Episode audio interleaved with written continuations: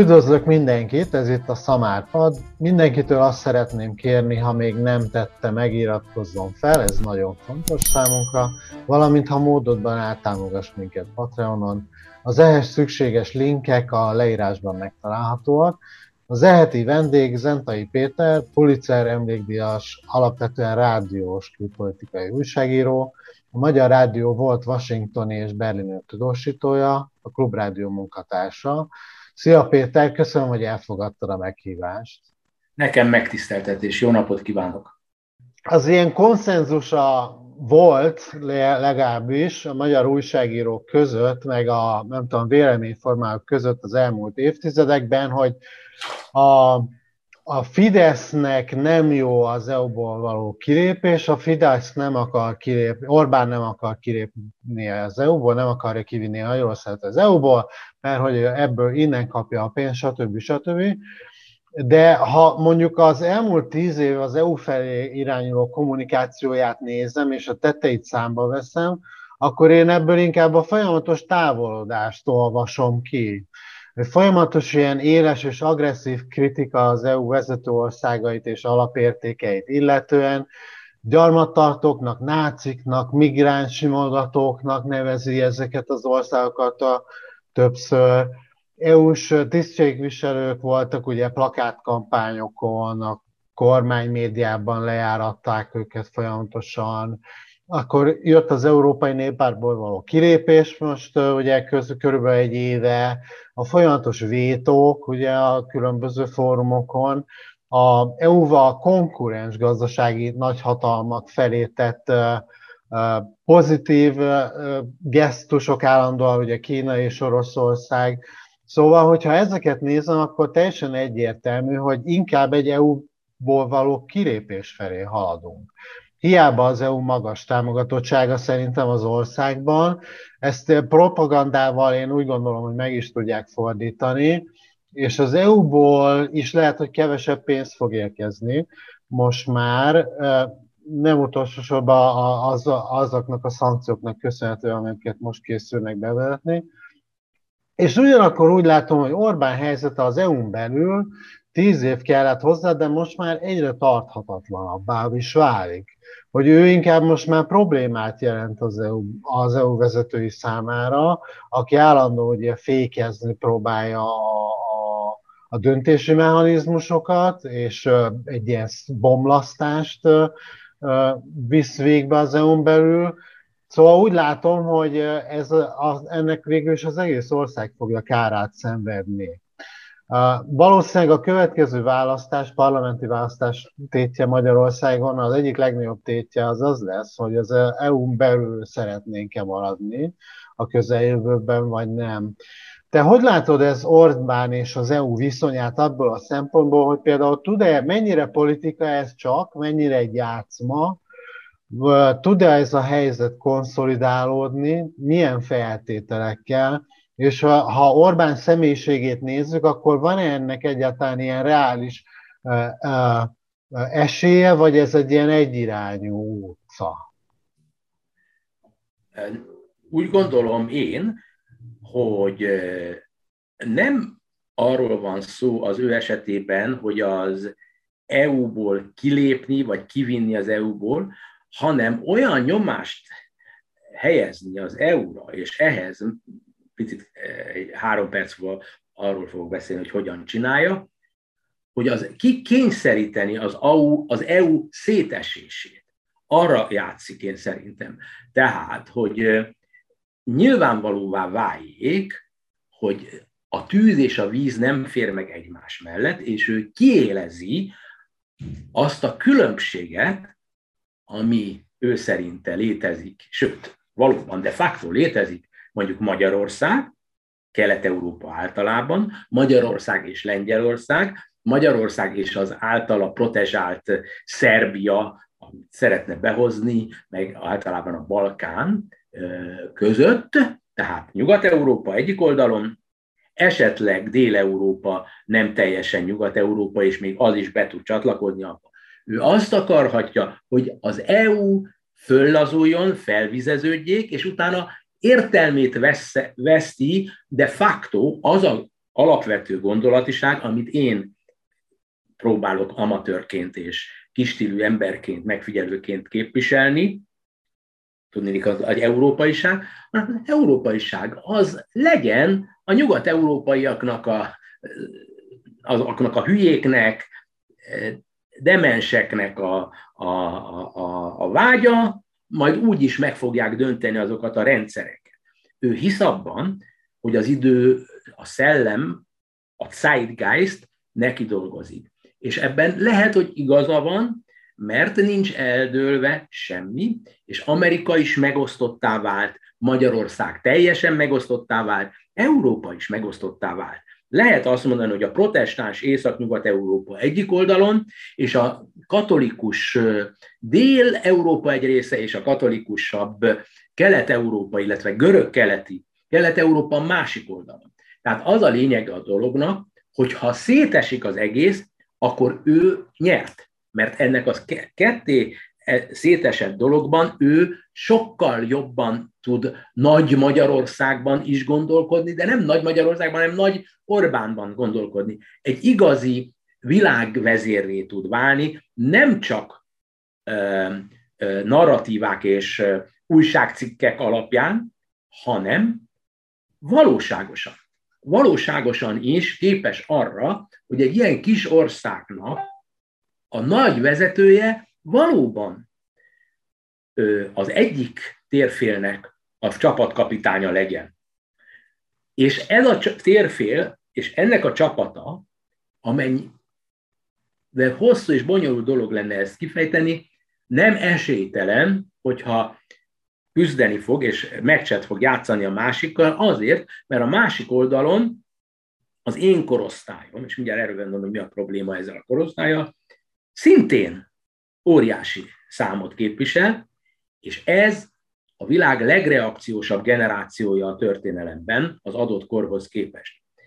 Na most a, a, a, az eszközök nagyon lényegesek. Ő folyamatosan kitalálnak neki olyan témákat, amelyekkel kiveri a biztosítékot, holott alapjában véve nincs a téma mögött igazi lehetőség, hogy megvalósuljon.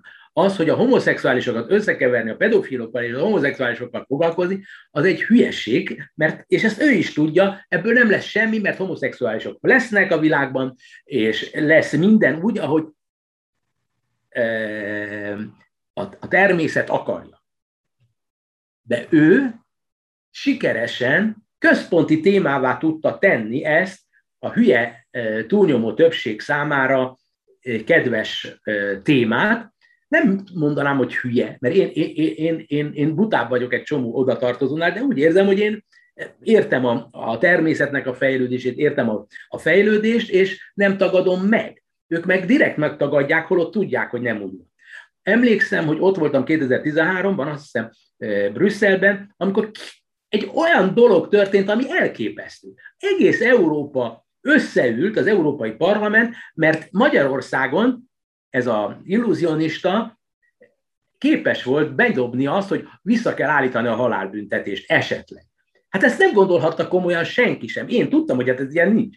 De ő neki ezzel olyan reflektorfénybe került, mint azt megelőzően soha, Európai Parlament külön ülése egyedül megvédi a dolgokat, és elmondja azokat a dolgokat, amiket egy csomó nyugat-európai egyszerű polgár is gondol, amit egy csomó európai gondol. És akkor azok persze hogy sunyítanak, hogy nem mondják, de azért magukban azt mondják, na végre valaki megmondja. Tök mindegy. A lényeg az az, hogy ő mindig provokál, mindig megoszt, és ahogy Magyarországon megszerezte a totális hatalmat, a totális, amilyen a magyar történelemben soha nem volt senkinek a kezében olyan totális hatalmat tudott megszerezni, ugyanazt eljátsza, de most én csúnya szavakat használok, különben egy zseniális dologról van szó, hogy ugyanazt, amit Magyarországon, azt most Európában nem sikertelenül csinálja, sőt, most már globálisan, mert ki tudott jutni Amerikába. Fantasztikus dolog. Amerikában les ezt csinálták őt. És most már tudja mindenki.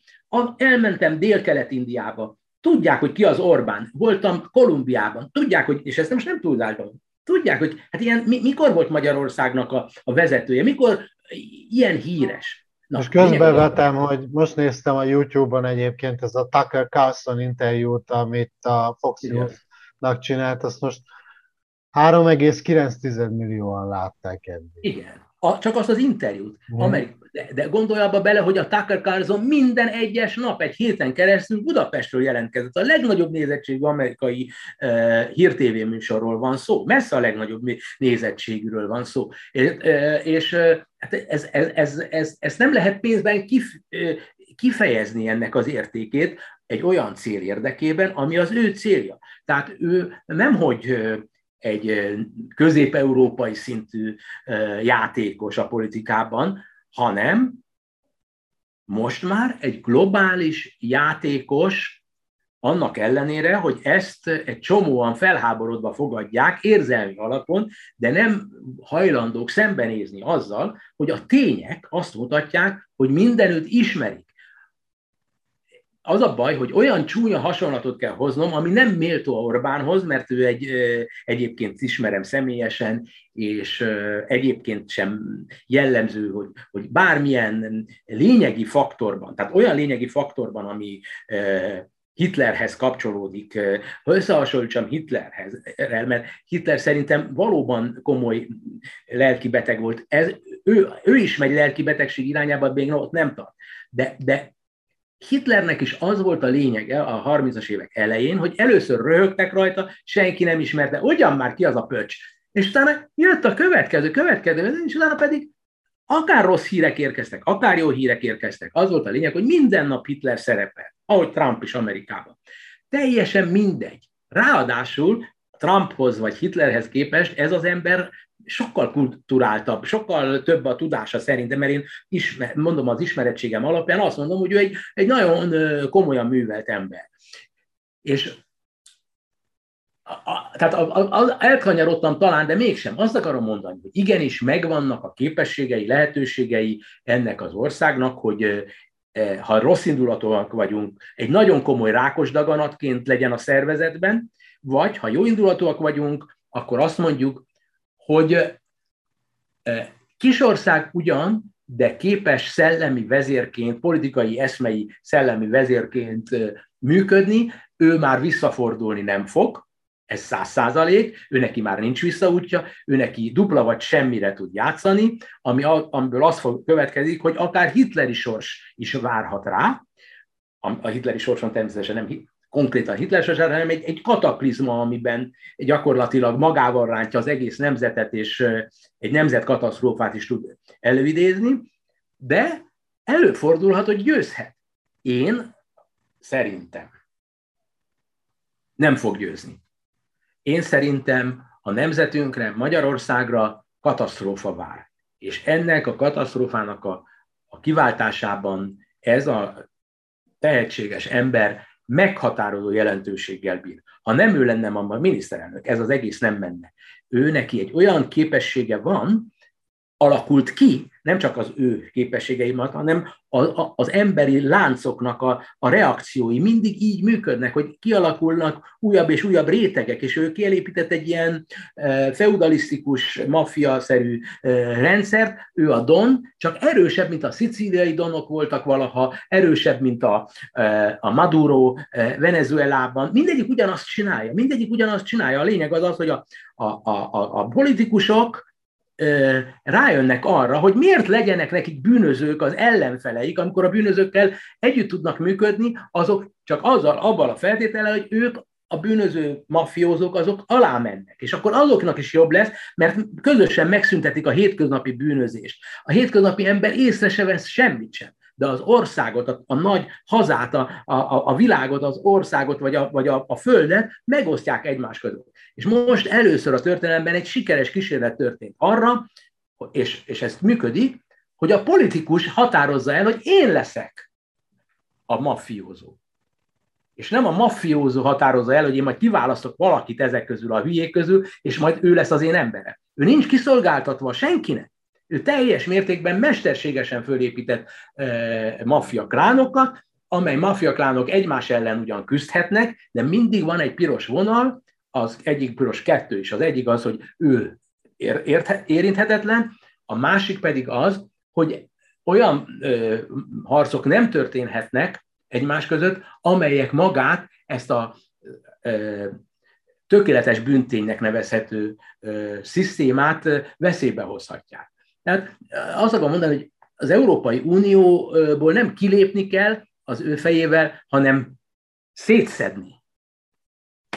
Az szinte biztos, hogy nagyon éles és durva választási kampányra számíthatunk, de vajon milyen elkövetkezendő négy évre számíthat Magyarország a választásokat követően, ha a Fidesz nyeri a küzdelmet, a választásokat, vagy ha az ellenzék győz a választásokon szerinted? Te hogy fog, ugye ez mindenképpen ugye a Fidesz hogy fog reagálni a egy esetleges eredményre, ez itt a kérdés, illetve a szavazótábor a Fidesznek szerintem. Orbán Viktor mindent személyesen is elkövetett az elmúlt egy évben, hogy nemzetközileg előkészítse a talajt, a környezetet arra, hogy külföldi reakció effektíve ne történjen, bármilyen eredmény születik is, és bármi történjen ebben az országban. A legfontosabb számára az, hogy az Európai Unió legyen minél impotensebb. És ennek érdekében folyamatosan hozza felgyorsított ütemben, és folytatódik szerintem, az a tematizálás csoport, amit, aminek egy részében a, a, a témák között egyik részt komolyan gondolja, a másik részt hülyeségből csinálja, behúzza a másikat csőbe, blöfföl, és sose tudja a másik, hogy melyik itt a blöff, és melyik a, a valós. Melyik a fék, és melyik a, a valós világ. Na most ez azért fontos, mert valóban a választásokon elméletileg lehetséges, hogy nem nyer a, a, a Fidesz. Én ennek kicsi esélyt adok őszintén szólva, hogy nem nyer. Elsősorban azért, mert eddig is minden eszközt megtalált arra, hogy ne legyen itt hatalomváltásnak még csak a lehetőségének a közelsége sem, mert nem azért szerezte meg a hatalmat 2010-ben, hogy azt valaha is abban a formában átadja, hogy maga a rendszer megváltozhasson. De függetlenül ettől, ami Magyarországon lezajlik a választás során, ha az ellenzék győz, akkor sem győz. Mert Magyarországon nem győzhet az ellenzék, a mai Magyarország százszázalékosan gazdaságilag, jogilag, emberi anyagban be van építve a rendszerbe, azok, akik fontosak, azok le vannak százszázalékosan zsarolva, például úgy, hogy a rokonaikat adnak, adtak lehetőségeket. Egy ember, ha rákos beteg, akkor is arra gondol, hogy mi lesz a rokonaimmal, és ő a rokonait feltupírozta. Itt egy, egy, egy, egy, egy rendkívüli komoly, tehát olyan rendszerváltás zajlott le valójában, amilyen rendszerváltás tulajdonképpen nem történt szerintem. E, még a, tehát bizonyos folyamatosságok voltak. Most nézem, 1951-ben a Kossuth díjakat a Rákosiék, Somlai Artúrnak, Tolnai Klárinak, és egy csomó olyan ember, Szabolcsiben, olyan embereknek adták, akik a, a Horti rendszerben is kiválóságok voltak. A, a, a, Rákosiék Kodály Zoltánt Atya Úristenként tekintették. A, a, a, most nem akarok belemenni, de azt akarom mondani, hogy az, hogy kizárólag a sajátjaidat díjazd, és az bármilyen szinten lehet az a sajátod. Elég, ha csak háromszor beleugatott, hogy éljen a Fidesz, kap egy Kossuth vagy, tehát ez egyszerűen önmagának a, a bizonyítéka annak, amit én mondom. Tehát ez a rendszer megváltoztathatatlan egy ö, választás nyomán. Ha megváltoztatni akarják, akkor ebben az országban polgárháború lesz.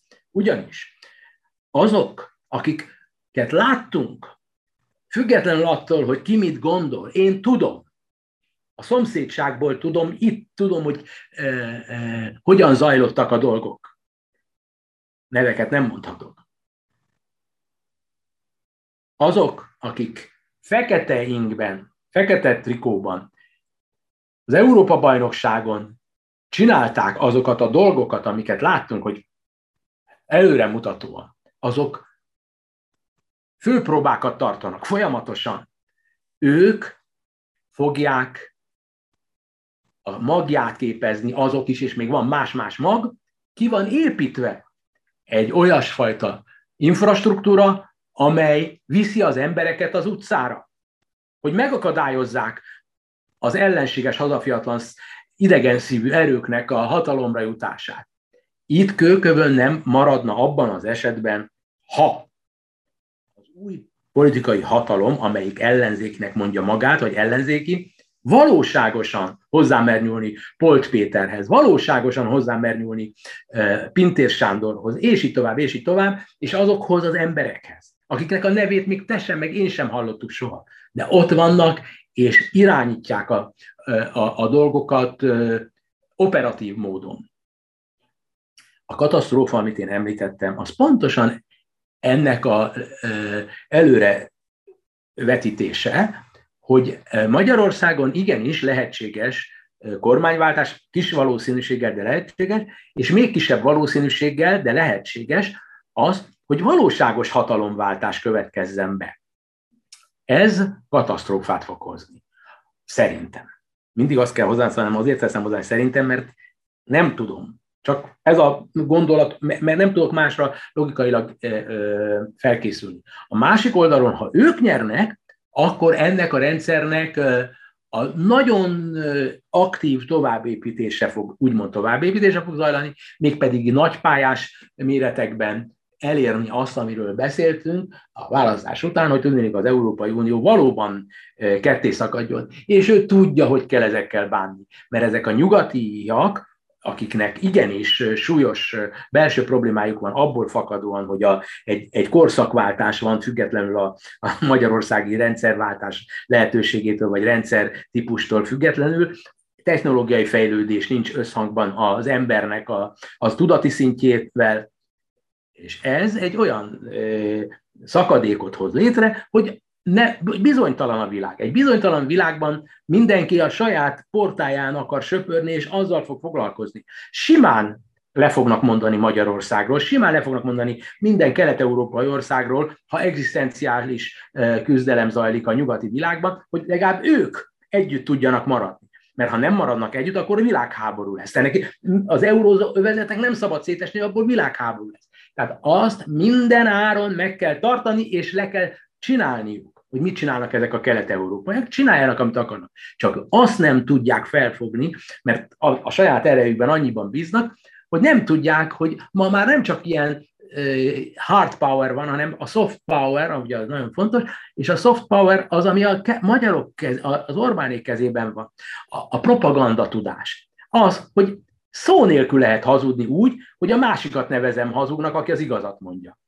Tehát ezt feldolgozni Hitler tudta, előtte a bolsevikok tudták, és minden autokratikus rendszer tudta. A nyugati rendszernek mindig az volt a sajátossága, hogy a végén jön valaki, és azt mondja, hogy ahogy a, a, az a Gyurcsány csinálta tulajdonképpen, csak ő egy amatőr, hogy, hogy hazudtunk éjjel-nappal. Ezt megmondja. Erre a Kelet-Európában vérzivatar következik, hazudtak éjjel-nappal. Honnan tudjuk? Mert ő mondta.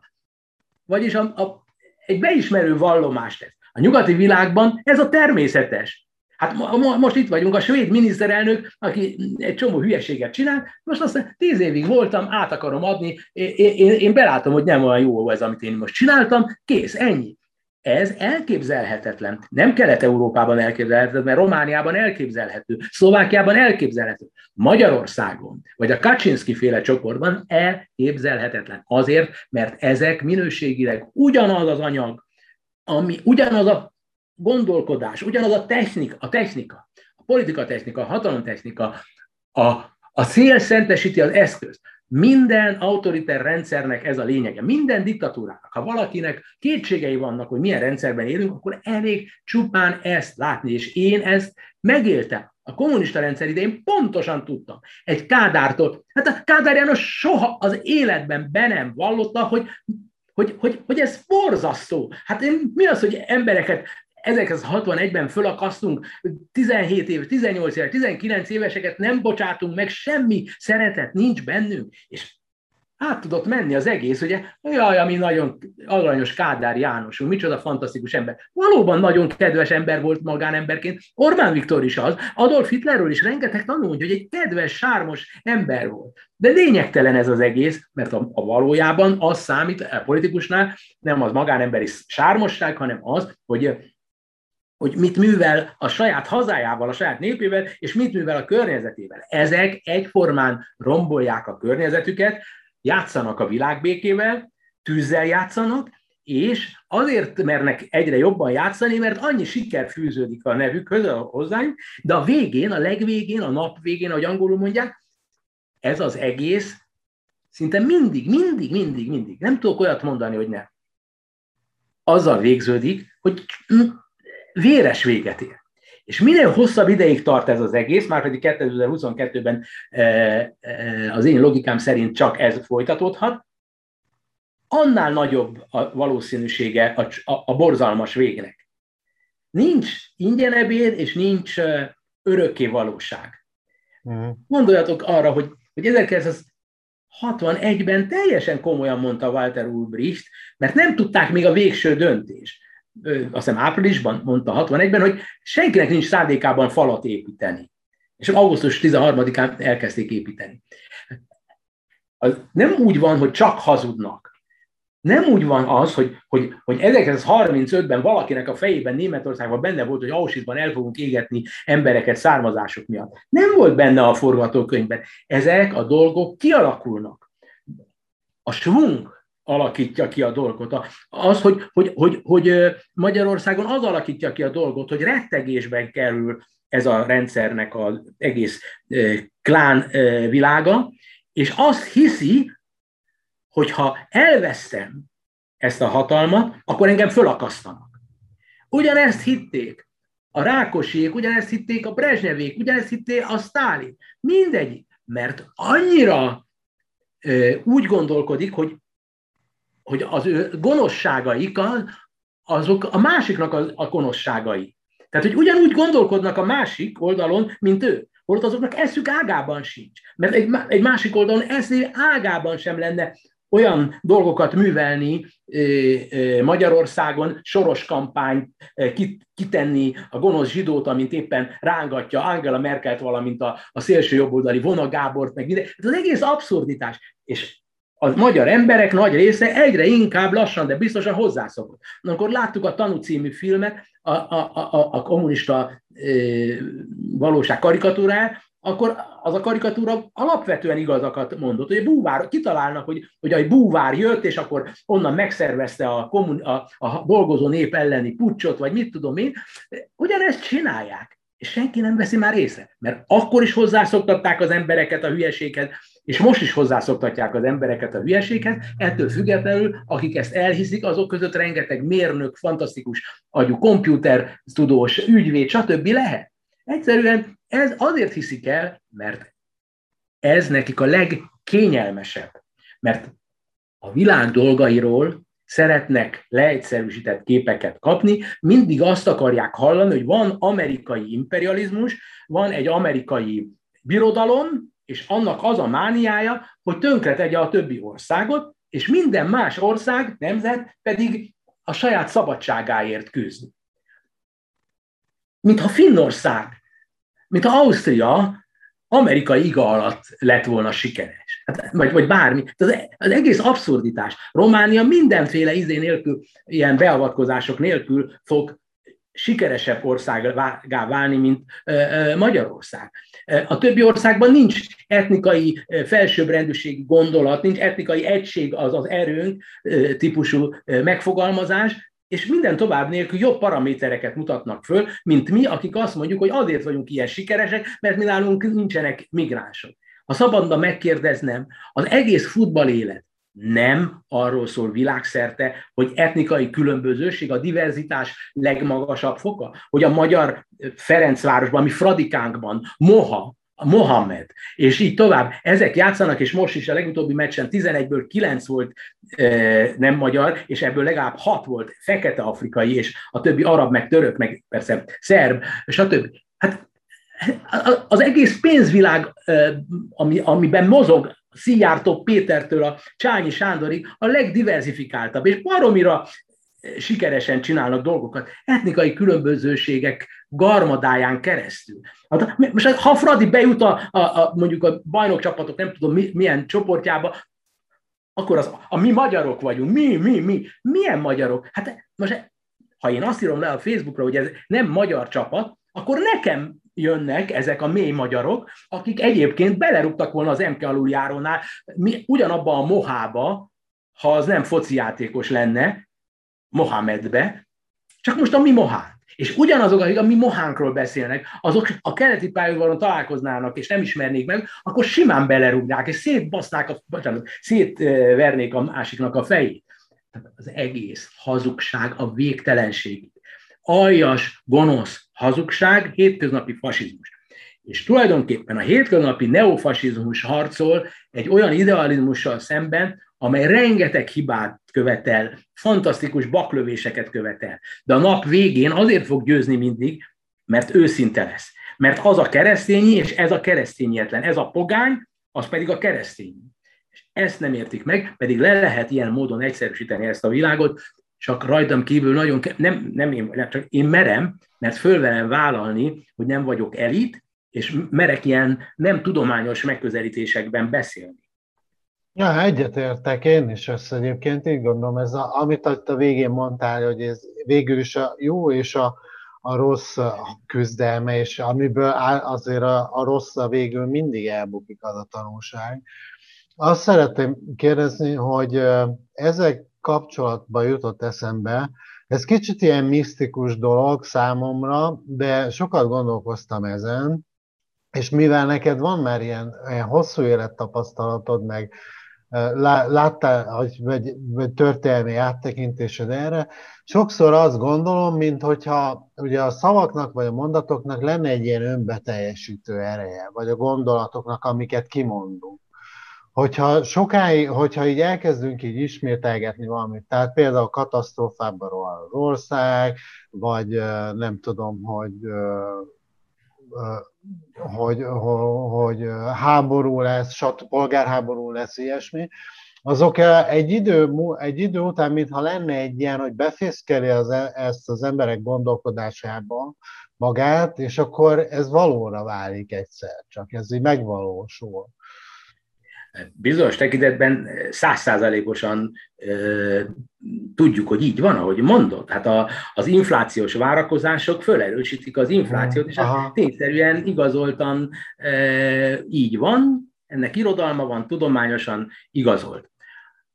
Ezen a területen, amiről te beszélsz, nem mindegy, hogy ki ismétli a dolgokat. Ha én mondom, Semmilyen jelentősége nincsen. Én ezt mondom, mondom, mondom, de ki vagyok én? Hát most ne arra, ugye, ha, ha, ha három ezer ember többek között engem is meghallgat, annak nem fog feltűnni, hogy én állandóan ezt ismételgetem. Vannak nálam fontosabb emberek, mondjuk, mondjuk egy, egy Tamás Gáspár Miklós mondja, akkor egy bizonyos közegben az ő véleménye ki tud emelkedni, de csak egy példát mondtam, mert mondhatom volna más példát is. De ha a valós propaganda eszközök 80-90%-át magáinak tudó hatalom ismétel, az úgy valósul meg százszázalékosan, hogy tényként bemutatnak valamit, ami fék, de eltelik három hónap, és mivel minden nap ismételjük, már nem néz utána senki, hogy mi az, amiről ő tényszerűen beszélt, hanem az már valósággá válik, azáltal, hogy a fejekben valóság. Tehát Soros, mondom én határozottan, abszolút az ellenkezője annak, mint amit mondanak róla, mondta meg. De az embereknek a 80-90 százalékát elérte, hogy minden nap hallják a sorosnak a nevét, a migráns és a soros név összefonódik, és az embereknek szerintem van 60-65 százaléka azáltal tartja tényszerűnek, hogy Soros György, az a 91 éves ember, Amerikában él el egyébként, New Yorkban, már alig tud járni, ő az, aki ránk öntötte, és ránk önti továbbra is a muszlim, arab, török fundamentalistákat, akiknek az a eszköz szerep jutott a soros elgondolásban, hogy keresztényetlenítsék és nemzetietlenítsék Magyarországot, de nem csak Magyarországot, hanem egész Európát. Vagyis Európa, az Európai Unió fő ellenségét az Európai Unió vezetői, Brüsszel, beengedték, a farkast beengedték. Vagyis ha állandóan ismétik, akkor ugye ez jól hangzik, és mindenütt el lehet adni, és állandóan most már nem csak Magyarországon mindenütt mondják ezeket a dolgokat, teljesen alaptalanul egyébként, mármint, hogy a, a, a korábbi valós valóságnak nevezett valamiben nem állja meg a helyét, és bemegy, és mivel a tömegek ezt így gondolhatják, és így gondolják lassan, de biztosan, ilyen módon azt fogják mondani, le az Európai Unióval, le Brüsszellel, legyen olyan Európai Unió, ami a nemzetek Európája, amelyiknek az a fő célja, meg, az legyen a közös nevező, nem euró, meg ilyen hülyeségek legyenek a közös nevezők, hanem soros, átok ördög, Mephisto, stb. elleni közös fellépés. Egy ellenség. Ugyanaz, mint amit, aminek alapján a végén a németek Európát egyesítették, és ez nem volt más, mint a zsidók. Már utána az egyetlen dolog, amivel Hitler manipulálni tudta a többi európai, az az, hogy elhitték, hogy a zsidók azok, akik Európát tönkreteszik általában. Tehát minden eszközzel meg kell szabadulni ezektől a, a zsidóktól.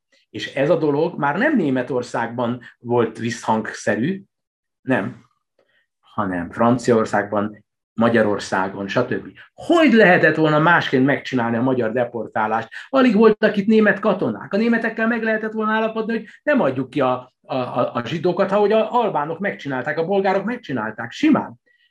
Meg lehetett. A németek nem, nem álltak ott, és addig dörömböltek, amikor a zsidókat nem. De nekik ez egy teher volt már a végén, 44-ben.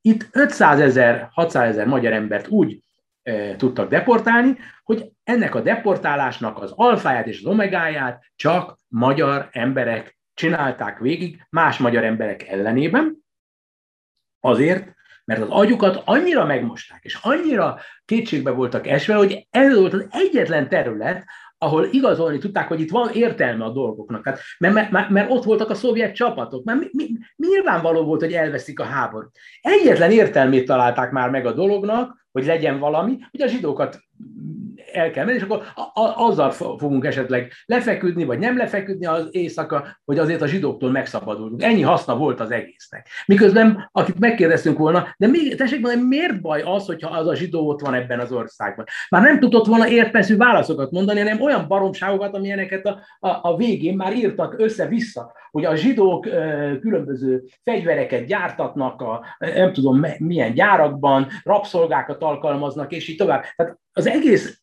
elmegy egy őrületbe. Mindenki megőrül, és most megyünk oda abba a fázisba, amikor mindenki kezd megőrülni, és a, megőrülé, a megőrülési folyamatot sajnos ki kell mondanom, ez a magyar vezető és körei csinálják. Ők politikai játékként indították. Nem volt benne a pakliban, hogy ezt halálosan komolyan fogják csinálni. De éppen erről van szó, hogy a dolgoknak az, azért nem lehet prognosztizálni, mert az egyik jön a másikból. Ők nem tudnak mindent előre, eh, hogy miből mi lesz, eh, eh, meg elgondolni, csupán a fővonalakat tudják. És aztán adódnak a helyzetek, amikor már nincs más lehetőség, mint összeszedni a házakból a soros ügynököket. És ki a soros ügynök? Az, akit én azt mondok, hogy soros ügynök. Tehát a, a, Azért beszélek katasztrófáról, mert nincs más útja ennek az egésznek. Egyszerűen nem lehet elképzelni, hogy ők majd felülvizsgálják az eddigi politikájukat. Hát ez abszurd, de nincs is oka ennek. Magyarországon van vízellátás, áramellátás van, élelmiszerellátás, az nincs, nincs katasztrófa veszély abban a tekintetben, hogy, hogy itt egy gazdasági összeomlás következik. Nincs. Itt úgy van eladva a dolog, hogy mi baromira jók vagyunk, és egyre jobbak vagyunk, és most már az amerikai tévén legnézettebb műsorában is a magyar miniszterelnök szól. Hát kell ennél nagyobb bizonyíték arra, hogy milyen sikeresek vagy, nincs bizonyíték erre, hogy, hogy na, mi vagyunk a legsikeresebbek, vagyis olyan úton vagyunk, ami a legszebb magyar út. Ennél fogva még többen fogják támogatni Orbán Viktor. És azért nem fognak egyébként vereséget szenvedni, mert szerves alapon kialakítottak egy képet, hogy Orbán Viktornál nincs jobb, sőt, a legjobb. És aztán össze-vissza hazudoznak majd arról, hogy, hogy milyen eredményeink vannak, és mi, olyan stati, a statisztikákat úgy csűrik, csavarják, ahogy akarják. Ugyanezt csinálták az én időmben a kommunista vezetés is, a propagandisták, hogy hogy kiforgatták a szavakat az értelmükből. Tehát új szavakat találnak ki, új kifejezéseket találnak ki, és azokat ismétlik, és azok részeivé válnak a köznyelvnek olyannyira, hogy nálunk az ellenzék minden témáját, amit benyomott a, a Fidesz, a, a témák 98%-át a, a, a Fidesz diktált az elmúlt tíz évben, akár pro, ellene volt az, akár e, mellette volt az, mindig megsemmisítették az előző napi témát, holnap jön egy újabb, és újabb, és mindig újabb, és újabb, és újabb témát, és ezekben a, a szóhasználatot mindenki átveszi.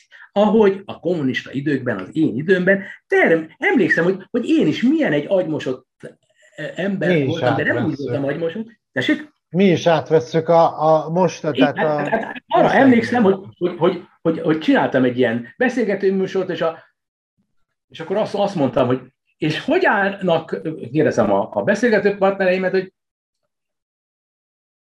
a békeharcosoknak ez mennyire lesz jó? Feltette, tehát a békeharc, a békért, békeharc, ezt a kifejezést kitalálták, és én, ez egy ilyen, nyilvánvalóan ilyen, ilyen bluff kifejezés volt, mert a békeharc az, az, az, az mindig a Szovjetuniónak a, a, a, a, a szövetségeseinek voltak a békeharcosok, és volt a másik oldal, amiről nem mondtunk semmit sem, hogy ki, ki ellen kell ezt a békeharcot folytatni, azok ellen. Az amerikai imperializmust és a német revansizmust, ezt a kettőt tudták mindig mondani. De senkinek nem kérdezi, és tessék mondani, hogy itt a belgák, meg a svédek, meg a norvégok, azok hol vannak? Azok, az, az, azok nem a német revansisták, azok a németek ellen voltak, meg vagy mit tudom. Az egész abszurditások mentén zajlik, és minél fejlettebb technológiailag a világ, annál butább ahhoz képest, ami történik a technológiában, az ember. Ma ott tartunk, hogy elő, előttünk van az egész világ e, az interneten, és egyre butábbak vagyunk. De most, ha van nekem egy pici, egy mondat, két, nem, négy mondat. Az én korosztályomból vannak a legtöbben a világban. A ratkó gyerekek, a baby boomerek. És mi egészségesebb nemzedék vagyunk 60-70 évesen, mint bármelyik korábbi nemzedék a földtörténetben. Összességében. Egyrészt fizikailag, másrészt szellemileg olyan nosztalgiánk van, ami elképesztő, élénk nosztalgiánk, mert az internet a fantáziánkat is bővíti, stb. stb. És visszavágyódunk valami iránt, ami esetleg nem is volt, de azt gondoljuk, akkor volt jó holott valójában, ha lemeztelenítjük, azért volt jó, ha visszagondolunk, mert, mert akkor voltunk fiatalok. És ehhez egy szöveget találunk, és azt mondjuk, hogy a gyerekeink, meg az unokáink érdekében akarjuk, hogy, hogy, hogy, hogy inkább legyen Orbán, inkább legyen Trump, vagy és így tovább, és így tovább. Tehát a lényeg az az, hogy itt most történik, hogy az én korosztályom, amelyik uralja a világot, és tulajdonképpen hozzánk csatlakozik az Orbáni korosztály, ők a 60-as évek első felében születtek, ők a mi fejünkkel gondolkodnak, és tudják, hogy vevők vagyunk rájuk, és mi vagyunk a legszorgalmasabb szavazók. Ők maximálisan lecsinálják a 10-20 éveseket. Csók, meg mit tudom én, ilyen anyagi dolgokkal próbálják megvenni. Nem tudják, hogy a mai fiatalság nem anyagi alapú gondolkodó, mert számára az égvilágon semmit nem jelent, hogy hú, van autó. Hú, mehetek Ausztriába. Mi ez? Hát mindaz, amiért ezek küzdöttek, ami a gyerekkori álmuk volt, hogy magántulajdon, és hogy, hogy utazhassanak, hogy, hogy jacht. Hát az én gyerekem, már 30, 35, 34 éve, hát meg a barátja most is itt vannak, hát eszük ágában sincs autót venni. Nem akarnak repülni, mert az őket idegesíti, hogyha szennyezik a levegőt. Esznek egészséges dolgokat, vigyáznak, önként és dalolva takarékoskodnak. Ha te beszélsz Magyarországon falusi, fárosi, 20 évesekkel, és a világ bármely részén, Kolumbiában, Dél-Kelet-Indiában, mert itt jártam, Vietnámban, ott már egy picit vigyáznak, mert a diktatúra, Németországban. Hát ilyen fiatalság még soha nem volt. Ezek fantasztikusak.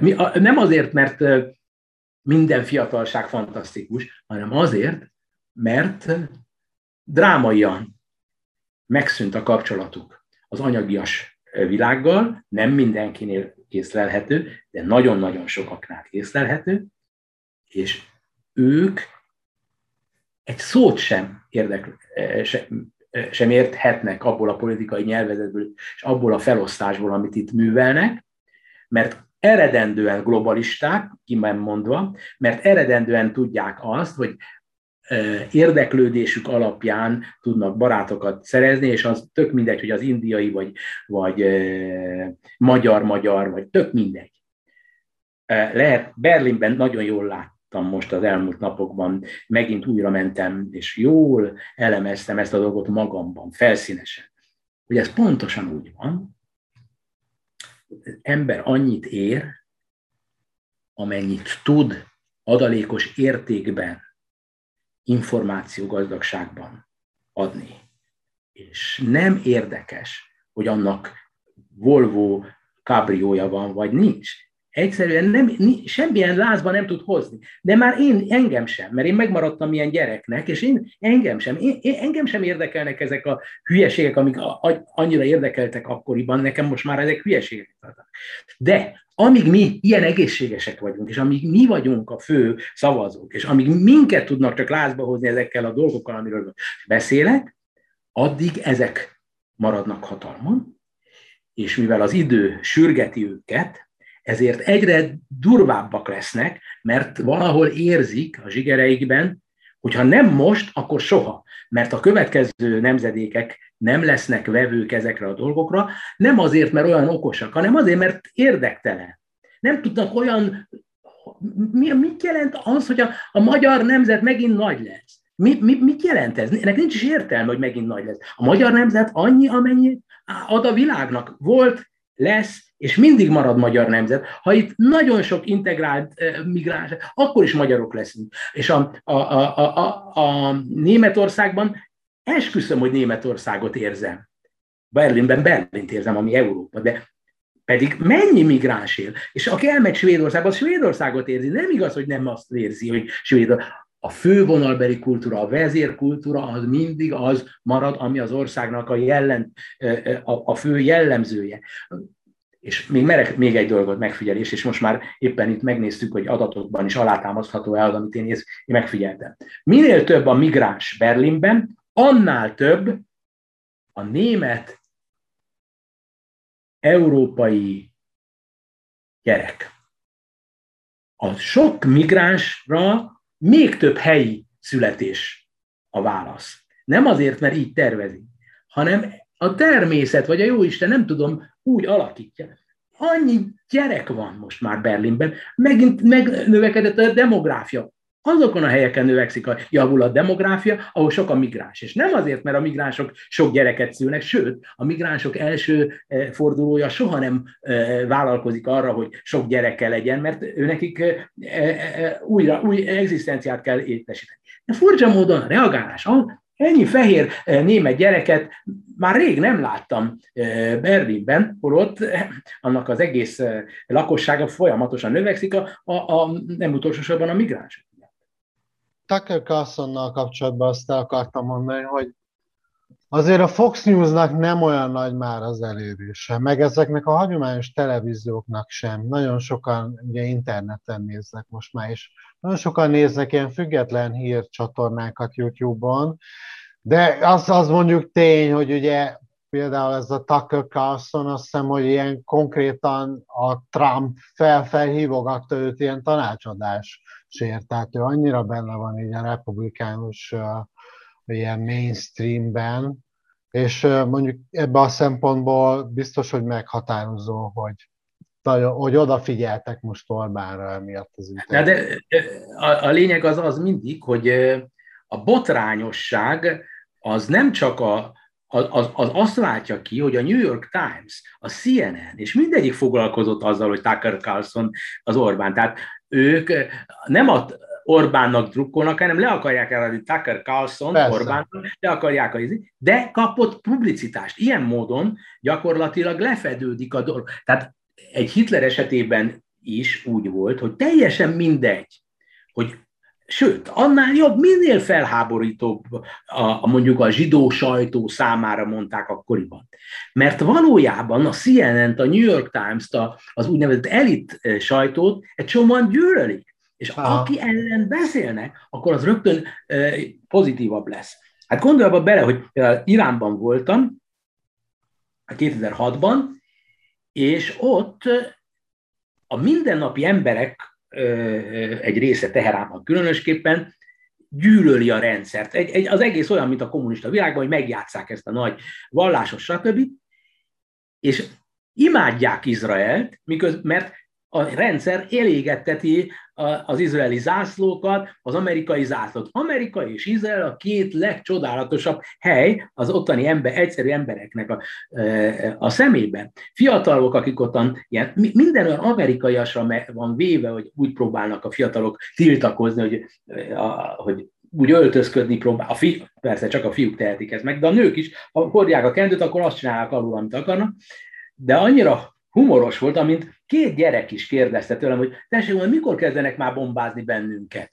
Tehát gyakorlatilag azt várták, hogy, hogy végre lebombázzák ezt az egészet. Olyan, mint amikor itt egy csomóan már azt mondják, hogy mikor rúgnak már bennünket ki az Európai Unióból, már nem is törődnek azzal, hogy az Európai Unióból való kirúgás az egyúttal lehetőséget biztosít a rendszer számára, hogy megszorításokat alkalmazom, mondván, hogy bennünket kirúgtak, nincs pénz, stb. stb. Tehát, akkor, tehát az egész nyilvánvaló, hogy spontán módon zajlik. És ők annyira szervezettek, hogy kihasználják a másik oldalnak, a mindenkori másik oldalnak a spontaneitását. Az, hogy mi így beszélünk egymással, ebből is tudnak tanulni, és azt hitetik el, hogy Magyarországon egy nagyon komoly sajtószabadság van, és azt lehet csinálni, és ezt a beszélgetést akár el lehet tudják adni, bemutatják a Tucker nézzél meg! Hát Hitlerhez hasonlítja az Orbán Viktor, van ennek következménye? Semmi. Mind a kettő él, mint Marci Heves, az egyik Luxemburgon, a másik Budapesten, Budán, stb.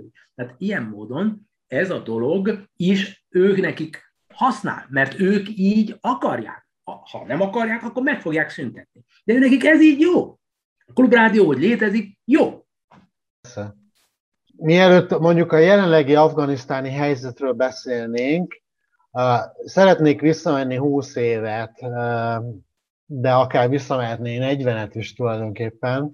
Igen. De mivel ez az egész történet roppant összetett, és rengeteg részlet van, amire most nem tudok kitérni, ezért nagyon leegyszerűsítve tudom interpretálni ezek a mostani eseményeknek az előzményeit. De ezelőtt először is szeretnék neked bemutatni egy YouTube videó részletet, amiben Wesley Clark tábornok beszél a, az USA közel-keleti stratégiájáról 2011-ben a Democracy Now! csatornának. Nem tudom, hogy láttad de majd mindjárt meglát, meg kiderül. About 10 days after 9-11, I went through the Pentagon and I saw Secretary Rumsfeld and and Deputy Secretary Wolfowitz. I went downstairs just to say hello to some of the people on the joint staff who used, used to work for me. And one of the generals called me and he said, Sir, you got to come in. You got to come in and talk to me a second. I said, Well, you're too busy. He said, No, no. He says, We've made the decision we're going to war with Iraq. This was on or about the 20th of September. I said, We're going to war with Iraq. Why? He said, I don't know. He said, I guess they don't know what else to do. So uh, I said, well, did they find some information collect, connecting Saddam to Al Qaeda? He said, no, no. He says, there's nothing new that way. They've just made the decision to go to war with Iraq. He said, I guess it's like we don't know what to do about terrorists, but we've got a good military and we can take down governments. And um, he said, I guess if, if the only tool you have is a hammer, every problem has to look like a nail. So I came back to see him a few weeks later, and by that time we were bombing in Afghanistan. I said, Are we still going to war with Iraq? And he said, Oh, it's worse than that. He said, he reached over on his desk, he picked up a piece of paper, and he said, I just, he said, I just got this down from upstairs, meaning the Secretary of Defense's office today, and he said, This is a memo that describes how we're going to take out seven countries in five years, starting with Iraq and then Syria, Lebanon, Libya, Somalia, Sudan, and finishing off Iran. The truth is about the Middle East is, had there been no oil there, it would be like Africa. Nobody is threatening to intervene in Africa. The problem is the opposite. We keep asking for people to intervene and stop it. And there's, uh, there's no question that the presence of petroleum throughout the region has sparked great power involvement. Whether that was the specific motivation for the coup or not, I can't tell you, but but there was definitely, there's always been this attitude that somehow we could intervene and use force in the region. Na tehát röviden összefoglalva azt mondja erre ebben Wesley Clark, hogy a szeptember 11-i támadások után 10 nappal kapta a Védelmi Minisztériumtól azt az információt, hogy megszületett a döntés a szeptember 11-i válaszcsapásról, miszerint meg fogják támadni Irakot, és akkor ő visszakérdezett, hogy Irakot? De miért, miért Irakot? És mondta, hogy hát valószínűleg nem tudják igazából, de hogy nincs jobb ötletük. És utána pár nappal később kapott egy újabb listát, amin még hét országot, Irak után Szíriát, Libanont, Libiát, Szomáliát, Szudánt és legvégül Iránt terveztek megtámadni. Tehát Afganisztán mondjuk már bombázták ebben az időben, tehát eh, a, a, október 7-én kezdték el aztán Afganisztán bombázni, hogy végezzenek az al és ugye Osama Bin laden akik a szeptember 11-i támadást hajtották végre a VTC tornyok ellen, és más, és korábban más USA célpontok ellen, tehát az afrikai nagykövetségek ellen például, Egyébként akiket az Egyesült Államok és a CIA képzett ki, és fegyverzett fel pakisztáni segítségével, segítséggel a 80-as évek elejétől a szovjet megszállás ellen katonai ellenállásra, valamint ugye az őket támogató mujahedineket és a, a tálib, a későbbi tálib rendszer. Vannak, akik szerint a 20 évig tartó háborúból, ami az Egyesült Államok történetek egyébként leghosszabb háborúja, és megszállásból leginkább a angolul a Military Industrial Complexnek nevezett fegyvergyártók és más hadipari beszállítók profitáltak a legtöbbet. A legnagyobb nyertesek ebből a Lockheed Martin, a General Dynamics, a Boeing, a Northrop Grumman, a Kellogg's, Brown and Root, őket követően a nagy cégek, akik infrastruktúrális fejlesztésekben vettek részt, és rehabilitációban, például a Halliburton, a Siemens, General Electric. Végül pedig ezekből lecsorgó korrupciós pénzek, rendszeres túlszámlázások, szükségtelen beruházások, helyi befolyásos vezetőknél landoltak, ahogy ez lenni szokott de óriási kárt okozott ez a háború emberi életekben is. Halottak százezre és menekültek milliói rohatók fel ennek, és ennek még mindig nincs vége. Az USA összesen 2,2 billió dollárt költött erre a misszióra, amit ha napokra lebontunk, ez 300 millió dollár naponta. A, ezen belül csak 145 milliárd dollárt költöttek arra, hogy az afgán biztonsági erőket felállítsák és kiképezzék, valamint kormányzati fejlesztésekre, ugye, és a drog elleni harcra.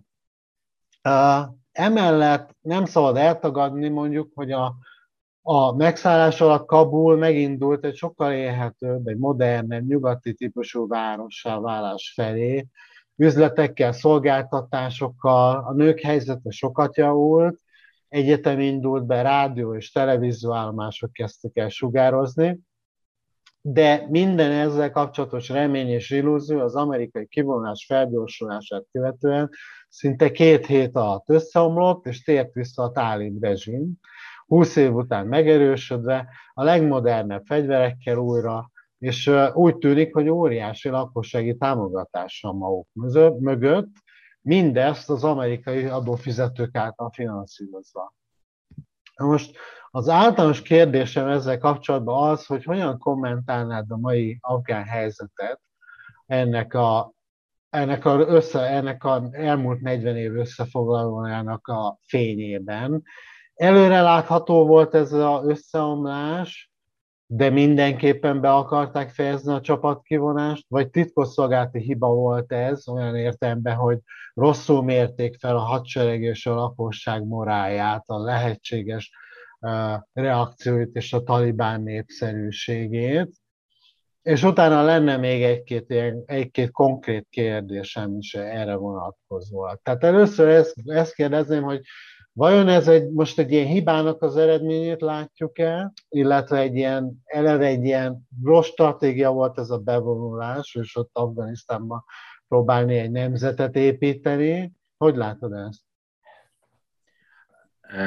Amennyire én megítélem, az nem túl jelentőségteljes válasznak fog bizonyulni, mert a felvetett kérdésekre szerintem senki sem tud egyértelműen felelni. A dolgoknak mindig van az eseményeknek, még futballmeccseknek is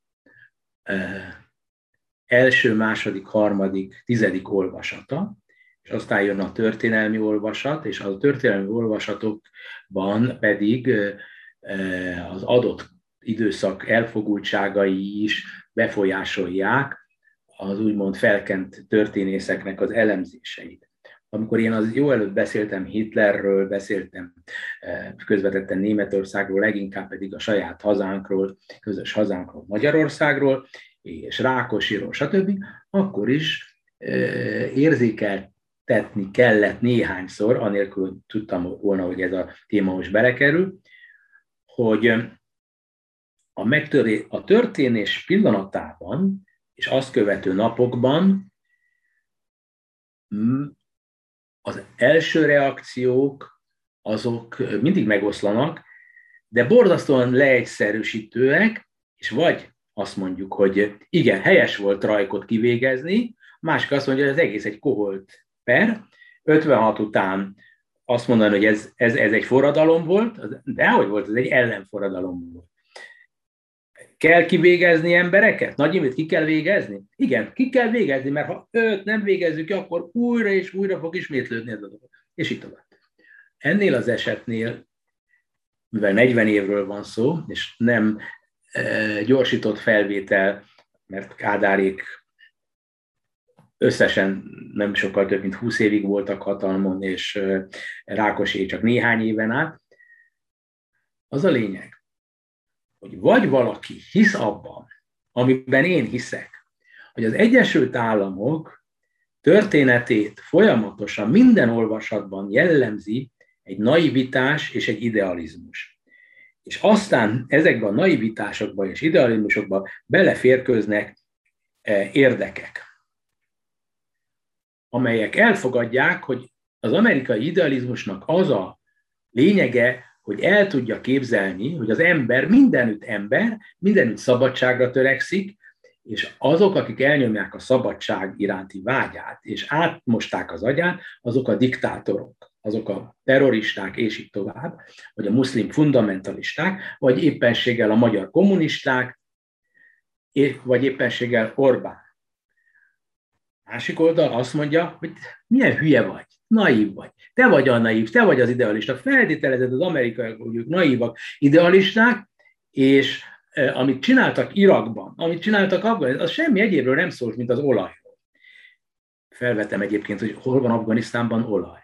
2011-ben, amikor Wesley Clark beszélt ezekről a dolgokról, akkor az olajnak volt jelentősége. Ma ki nem csinálja le az olajat?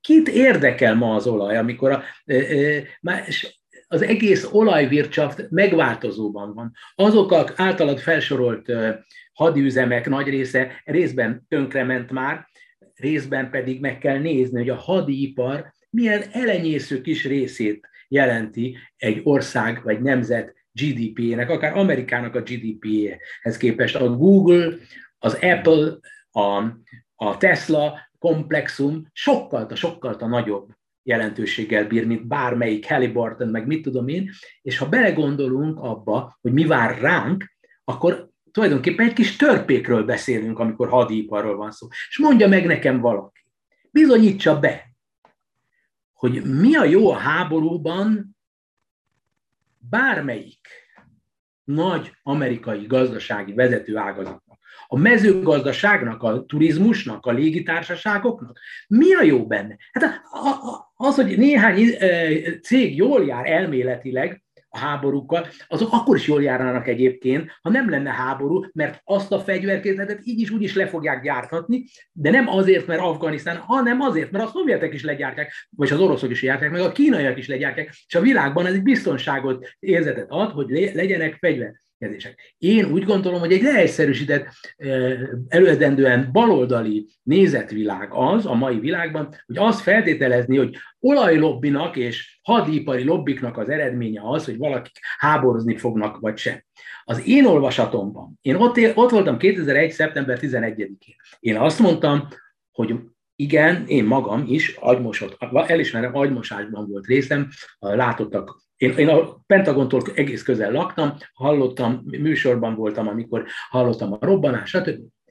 Érted? Értem tökéletesen ezeket a dolgokat, de minden porcikám azt mondja, hogy azért kellett, és azt hiszem most is, hogy kellett Saddam hussein eltávolítani, mert nem tudta bebizonyítani, hogy nincsenek tömegpusztító fegyverei. Nem arról van szó, hogy nukleáris fegyverek. De nem, mint, ahogy most beszélünk, mind a mai napig nincs nyoma annak, hogy ők megsemmisítették, mert annak nyoma kell legyen, technikailag mindenki meg tudja mondani, hogy nyoma kell legyen annak fizikai nyoma, hogy ők megsemmisítettek fegyvereket. Nem engedtek be soha, mind a mai napig nemzetközi megfigyelőket. A másik, hogy Saddam Hussein az egész pályafutása egy vadembernek a pályafutása volt, aki kíméletlenül dokumentálhatóan gyilkolt, és őrült volt, és nem lehetett tudni, hogy azokat a valóban létezett vegyi fegyvereket, amelyeket saját népe ellen bevetett, amelyeket Irán ellen bevetett, amelyeket átadott Szíriának, a szíriai diktátornak, azokat nem fogja e bevetni, mert érezte, mert Irakban volt egy helyzet. Na most az szeptember 11-ét és Irakot összevonni csak átvételesen lehetett, de én tudtam összevetni a dolgot. Mert tudtam, hogy létezik abban a pillanatban egy nemzetközi összefogás Csurka Istvántól egészen a szélső jobb oldalon keresztül Saddam Hussein át, az új orosz elnökig, Putyinig bezárólag, hogy le, itt a pillanat, hogy le lehet gyengíteni ezt a nyugatot. Most meg lehet őket verni. Lehet végső csapást rájuk mérni. Nincs bizonyíték a kezemben, hogy azt mondjam, hogy ezek készültek erre. Nincs bizonyíték, hogy ez... De amerikai fejjel nem akartam megadni nekik egy százalék esélyt sem, hogy megcsinálják. Saddam Hussein az élő gonosz volt. Nem kérdés. Nem kérdés. Még akkor is, hogy a Bagdadban szép élet is volt. De ő folyamatosan gyilkolt. És mindent megtett annak érdekében, hogy legyengítse mindazokat, akik ö, számára útban voltak. Ezt nem kell magyarázni. Afganisztánban, hogy helyesen tették-e az amerikaiak, hogy az oroszok után bementek vagy sem, erre nincsen most válasz. Valakiknek ott azt a küldetést föl kellett vállalni, hogy Afganisztánból ne spricceljen ki rendkívüli terrorizmus, és Afganisztánnak a bombázása összefüggött igenis a szeptember 11-i dolgokkal a, az, az, a, a, Afganisztánnal nem lehetett elbírni, mint ahogy az oroszok se tudtak, az amerikaiak se tudnak, senki nem tud. Afganisztánnak mindig hagy, az oroszok követték el egyébként a főben járó bűn, hogy volt egy fantasztikusan jól működő királyság, amelyik szép lassan orosz barátként ment tovább. De nem tudtak az, a, a Moszkvában a Brezsnyevék a segükön maradni, és egy, egy, egy, egy tömeggyilkos tettek oda, Babrak Karmának hívták, és, meg, és egy, egy orosz hatalmat, egy kommunista hatalmat akartak ráerőltetni, és utána arra az országra. Miközben a király az, az oroszoknak az embere volt valójában, de, de nyugalmat biztosított, semmi probléma nem volt. Megcsinálták, tönkretették, erre azt hitték ezek a naív, hülye amerikaiak, hogy most nekik kell, valakinek oda be kell menni. Mint hogy most is ez fog történni, mert Törökországnak be kell majd vonulnia, az Arab Emirátusoknak be kell vonulnia, a Szaudarábiának be kell vonulnia, át fogják adni ezeket a külföldi ellenőrzéseket muszlimoknak, hogy nyugodjanak meg az afgánok, hogy nem keresztények, meg zsidók, meg nem tudom kicsodák vannak fölöttük. De a, a dolog lényege az, abban hisznek, mind a mai napig Amerikában, hogy létezik embernek individuálisan, emberarcként, nem tömegként, hanem egyénként szabadságvágya, és a bizonyíték az a fejlődés történetben, hogy minél szabadabb az ember, annál többet tud alkotni, annál jobbat tud alkotni, annál inkább jön belőle ki a jó. Mert az a az, hogy mi a jó, azt onnan lehet tudni, hogy a szomszéd néniben látjuk, hogy szolidáris velünk. Ha bajunk van, hogy jön a gyerekhez, az emberek nagy része jó, ha békén hagyják őket. Abban a pillanatban, hogyha masszaként, tömegként kezelik őket, ahogy ebben az országban, onnantól kezdve kihozzák belőlük a legrosszabbat. És az amerikaiaknak a gondolkodásában mindig, mert a maga az amerikai fejlődés történet igazolja ez vissza, az individuum jóságát kell előtérbe helyezni. De ez mind, ahogy én elmondom, egy ilyen idealisztikus rózsaszínű kép. Nincs ingyen ebéd, nincs tökéletesség. Azt kell látni, hogy, hogy Amerikának küldetése van azáltal, hogy mindent egybevette, mindennel egyetemben. Bizonyította, például a második világháborúban százszázalékosan, utána pedig ezer százalékosan bizonyította, hogy az önzőségei mentén, ugyanúgy, mint egy embernél, ott vannak az önzetlenségek ő saját konkurenseit építette föl Japánban, meg Németországban. Segített fölépíteni. Nem hagyta, amit az orosz, a szovjetek, meg a franciák, meg a lengyelek követeltek, hogy felszántani egész Németországot, az egész német népet a kukába, stb. És azt mondták ők, akik akik szenvedtek szintén, hát gondoljunk abba bele, hogy Amerikában lehetőség volt izolacionista módon nem beavatkozni a második világháborúba, simán megúszhatták volna, és mégis vették a bátorságot. Nem azért, mert olyan erősek voltak katonailag, hanem azért, mert segíteniük kellett, mert az volt a korparancs, a korszellem az emberiségnek a, a továbbélésének a parancs, hogy Hitlert meg kell semmisíteni ahhoz, hogy ilyesmi ne történjen meg, és nem a német népet kell ezért mindent. Németország csodálatos fejlődése, Amerika fejlődésének a leképeződése, Amerika jóságának a leképeződése, hogy Németország ilyen csodálatos országá vált. Nem mondja nekem senki, hogy Németország nem a világ egyik legcsodálatosabb országa, még akkor is, hogyha milliónyi negatív dolgokat tudunk. De ez egy hatalmas ország. Fölépítették a semmiből egy nép, amelyiket ennyire megszégyenítettek. És ez Amerikának köszönhető. Amerikának köszönhető az, hogy majd lesz negyedik, ötödik, hatodik olvasat, és irakiak, afgánok, stb. Ezek fognak a világ élvonalában megérdemelten tudósként szerepelni, egyre most is ott vannak tudósként. Fantasztikus eh, képességeik vannak, ha diszidálnak. De miért kell nekik elmenniük? Ő, ők akkor fognak ott maradni, ha nem ilyen ö, ö, haramja rendszerek vannak. Irakból nem kellene elmenniük Kaliforniába százezernyi mennyiségben, Iránból nem kellene egymilliónyi mennyiségben Los Angeles környékén letelepedni tehetséges irániaknak. Én ott voltam, én ezekben az országban részben voltam is. Tudom, hogy tehetségesek, és tudom, hogy szabadságot akarnak. Együttesen képtelenek. Azt hitte Amerika, hogy képesek lesznek majd összerázni őket. Persze, hogy van megveszegetés, persze, hogy van korrupció, és igen, a korrupció az a legsúlyosabb probléma. Végre egyre inkább nyilvánvalóvá válik, hogy Magyarországon is az a rendszer, ami kialakult, az nem, nem tudna működni, ha nem az emberből a legrosszabbat akarnák kihozni, hogy tudnék megvesztegethető. A megvesztegethetőséget pedig csak úgy lehet megszüntetni, hogyha a tudományt, a technológiát visszük tovább. A gépeket nem lehet megvesztegetni. A gépi nővér, a robotnővér nem kell hálapénzt fizetni. A, a, a, a pilótát nem kell különösebben eh, agyon eh, abajgatni és megvezetni, vagy kedvezni, hogyha ha robotpilóták lesznek. A technológiai fejlődés az egyedüli, ami tudja az emberi gyarlóságokat felszámolni, és felszámolja azt, hogy a következő nemzedékek ugyanolyan hülye karrieristák legyenek, mint amilyen én voltam, illetőleg ugyanolyan korruptak, mint a mostani vezetőink. És ez be fog következni, ha nem csinálnak addig ezek, az én korosztályom, amelyik hatalmon van, újabb háborúkat. Nekik az, hidd el, higgyétek el, nekik ezeknek, akik most hatalmon vannak Magyarországon. És azok, akik rosszban sántikálnak, mert ezt az Amerikát szeretik jó, jó, jó nagyokat belerugni, hogy az a világ rossz, és ha Amerika nincs, akkor minden jó lesz. A francot pontosan azt bizonyja a történelem, hogy ha Amerika nincs, akkor minden rossz.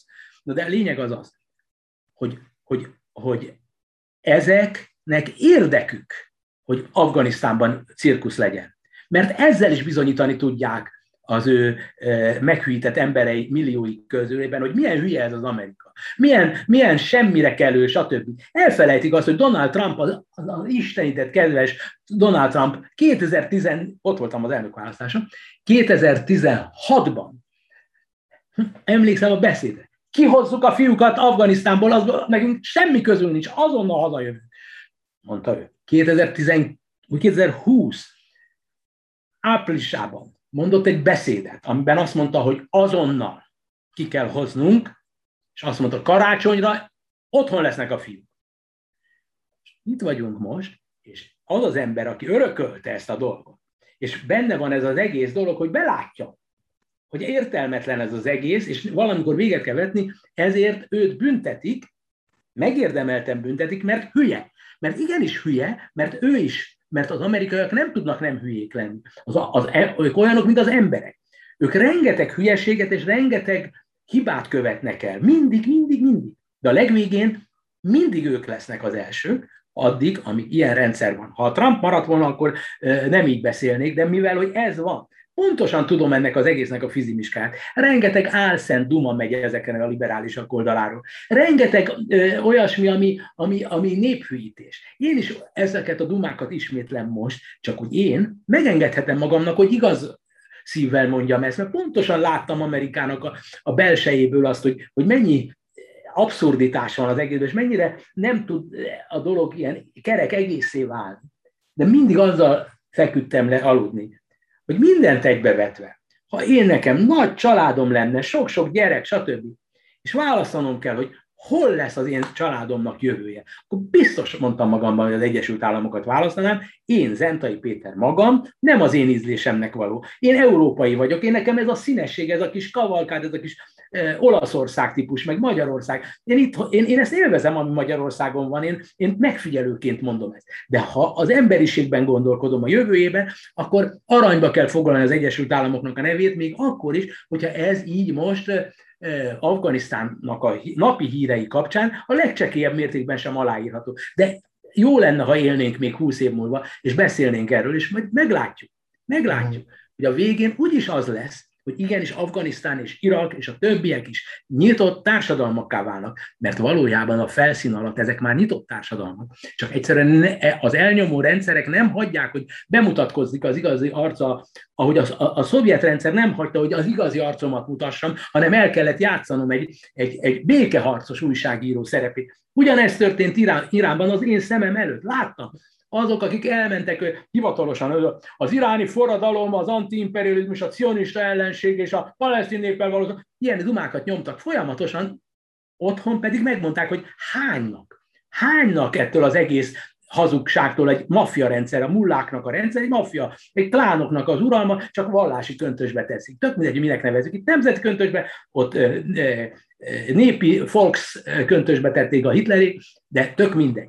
A lényeg az az, hogy az igazi választóvonal továbbra is az Amerika által képviselt egyéni szabadság szellem, amelyik utat adott, hogy ott legyen az Apple, és nem másod, ott legyen a Google, és nem másod, az internet ott van, és nem másod, a holdra szállás ott van, és nem másod, és így tovább. És ez szerves fejlődésben jön létre, és nem ahogy, mint Kínában, meg Moszkvában, ahol mindig ugyanezeket az eredményeket izzadságszagúan, másokat lemásolva csinálják meg, és úgy lesznek anti-amerikanisták, meg anti-USA, meg anti-Biden, meg mit tudom én, hogy közben elmegyünk ezekbe az országokba, és azt látjuk, hogy kiköpött ugyanazt akarják csinálni. A magyar televízióknak a kereskedelmi része, a nagy magyar televízióknak a kereskedelmi része a legrosszabb nyugati utánzatokat mutatja, miközben nemzeti és, és közben a, a cégneveket meg kell nézni Magyarországon. Nincs egy olyan cégszintem, amelyiknek nem valamiféle angol, jópofa,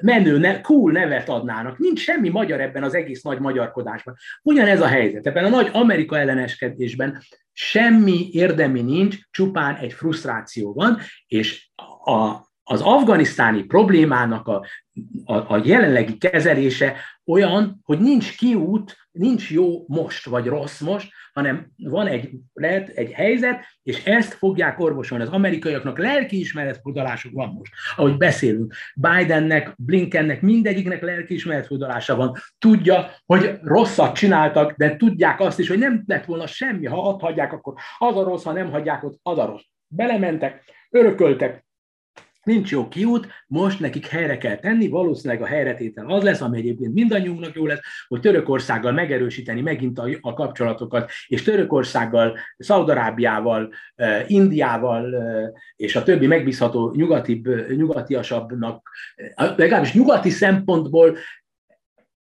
pragmatizmusból megbízhatónak számító országoknak rábízzuk, de ezeket az országokat is nekik megmondjuk a szemükben, hogy mi nem értünk veletek egyet. Angela Merkel elment Moszkvába. Hiába fontos szövet, nagyon fontos Oroszország, a, a, a Németország számára.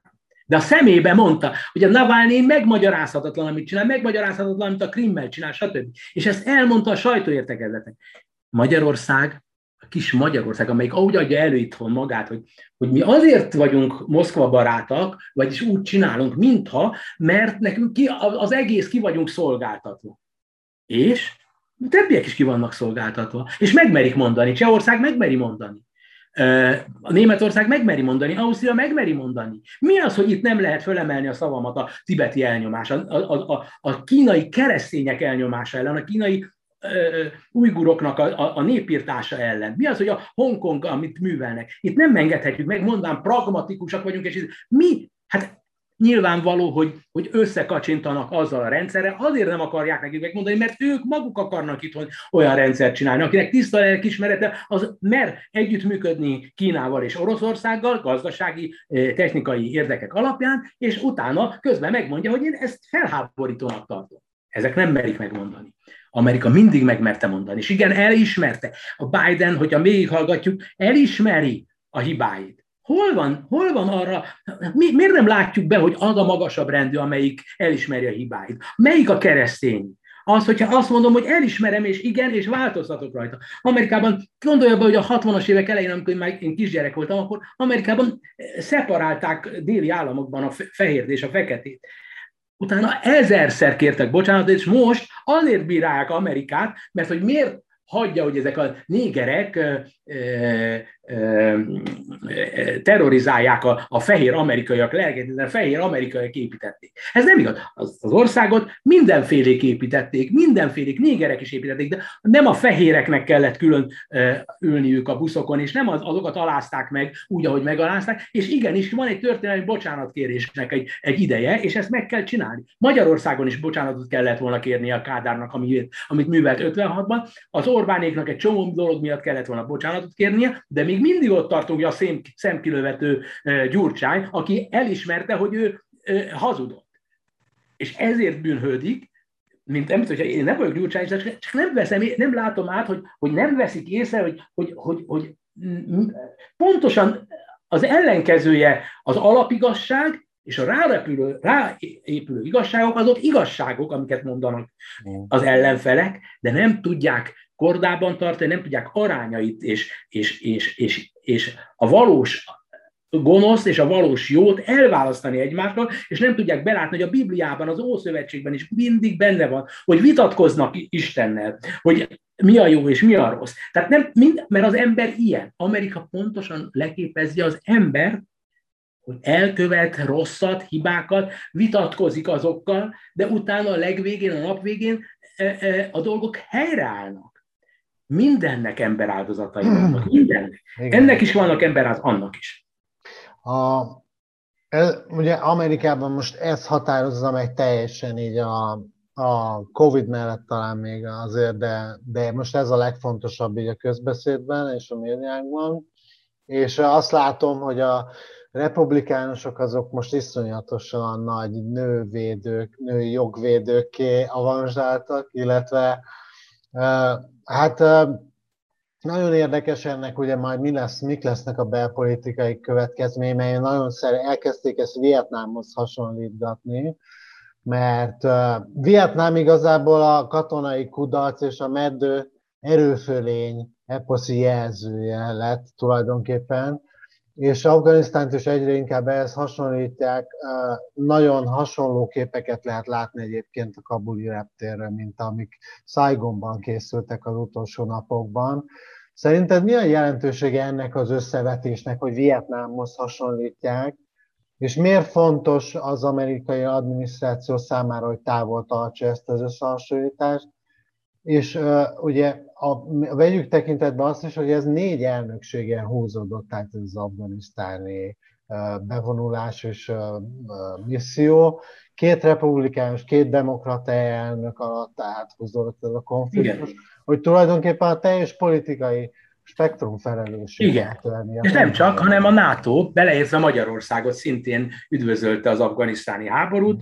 Magyarországon az egyik legfontosabb üdvözlője annak idején maga az akkori miniszterelnök, akit Orbán Viktornak hívta 2001 végén, önként is dalolva szállt be, akkor mondta Ramsfeld dicsérőleg Magyarországra, és néhány más kelet-európai országra, Lengyelországra, Csehországra, Szlovákiára, hogy ez az új Európa, amelyik megérti a kor szavát, mert ezek támogatták. Ellentétben Németországgal, amelyik nem támogatta sem Irakot, sem Afganisztánt, ezek mind támogatták, és Orbán Viktor akkori beszédeit elolvassuk, elmagyarázta azt, amit én az imént elmagyaráztam. Most próbáltam más szavakkal elmagyarázni, csak akarom ezzel érzékeltetni, hogy itt aztán az utolsók legyenek azok, akik Magyarországon hivatalosan elkülönítik magukat ettől az egésztől.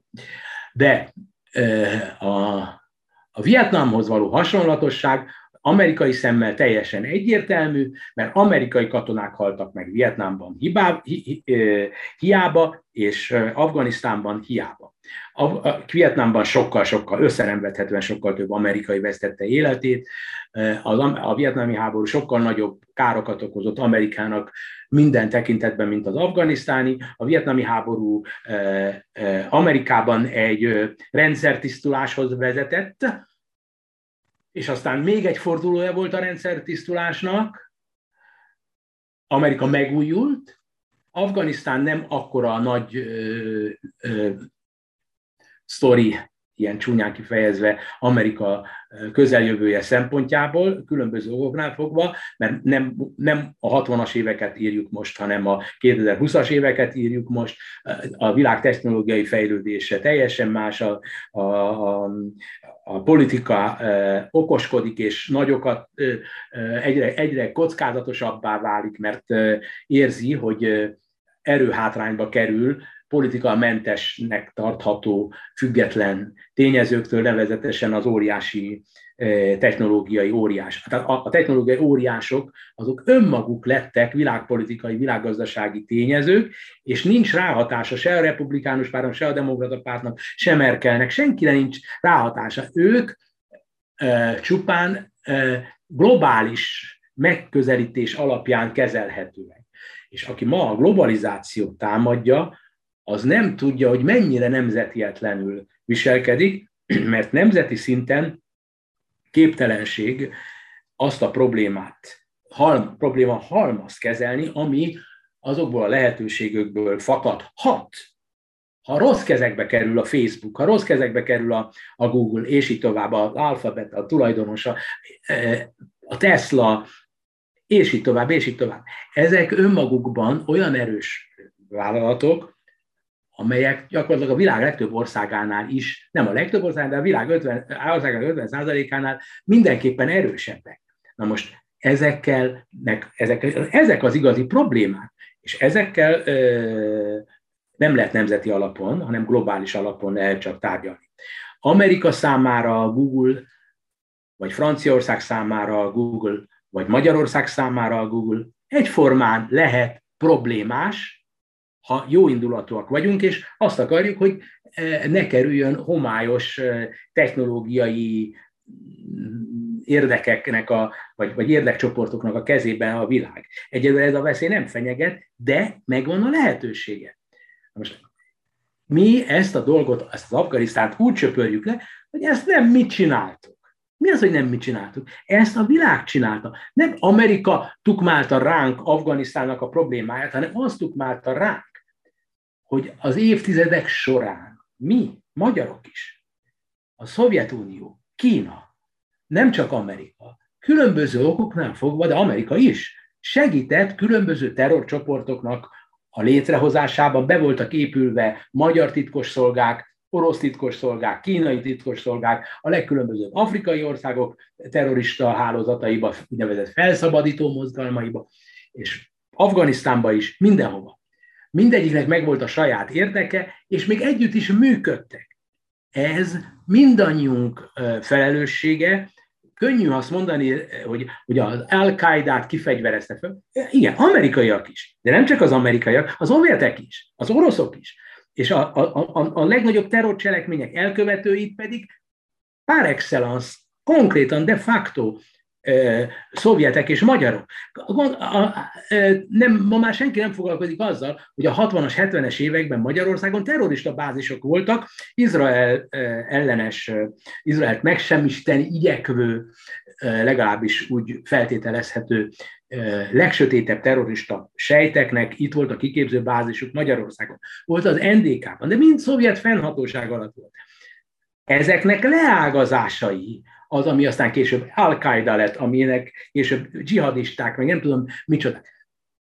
A természetesen probléma maga a muszlim fundamentalizmus, mint ahogy a bolsevik fundamentalizmus. De az amerikai idealizmus az nem probléma objektíve. Az amerikai idealizmus volt az, amelyik át segítette a világot arra, a, anna, abba az irányba, hogy ezeket a dolgokat, ezeket a sunyiságokat ugyan e, egyik kezével ugyan végrehajtott, de a fontosabbik kezével, a nagyobbikkal, a jobb kezével végül is helyre igyekezett tenni, mert Amerika nem centralizált hatalmi központ, az nem úgy van, hogy tehát az a leglényegesebb most szerintem, amit akarok mondani, hogy azt hiszi, azt hitetik el, hogy létezik egy amerikai erőközpont, és annak vannak különböző ilyen nyugati leágazásai, és a Wall Street és az amerikai erőközpont az, az, az, az együtt működik, mint egy ilyen egy korporáció. De ez lehetetlen. Akkor Amerika nem lenne az, amely, hogyha ez így lenne. Mert Amerikában az érdekek antagonisztikusan elválnak egymástól gazdaságilag, pénzügyileg.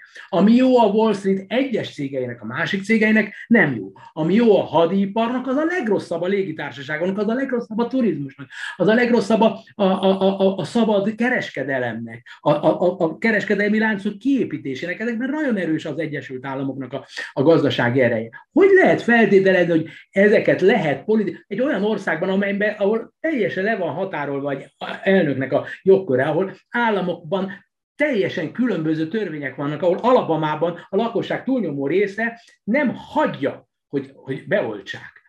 És, ez, és nem lehet jogilag ezt e, e, megváltoztatni. Hol van még egy ilyen ország? Hogy merjük, merjük ezt elképzelni Oroszországról? Merjük azt elképzelni Oroszországról, hogy mindazokat a sötét dolgokat, amelyeket Amerikáról tudunk, amerikai hírközlő szervek nyomán, amerikai felvételek nyomán.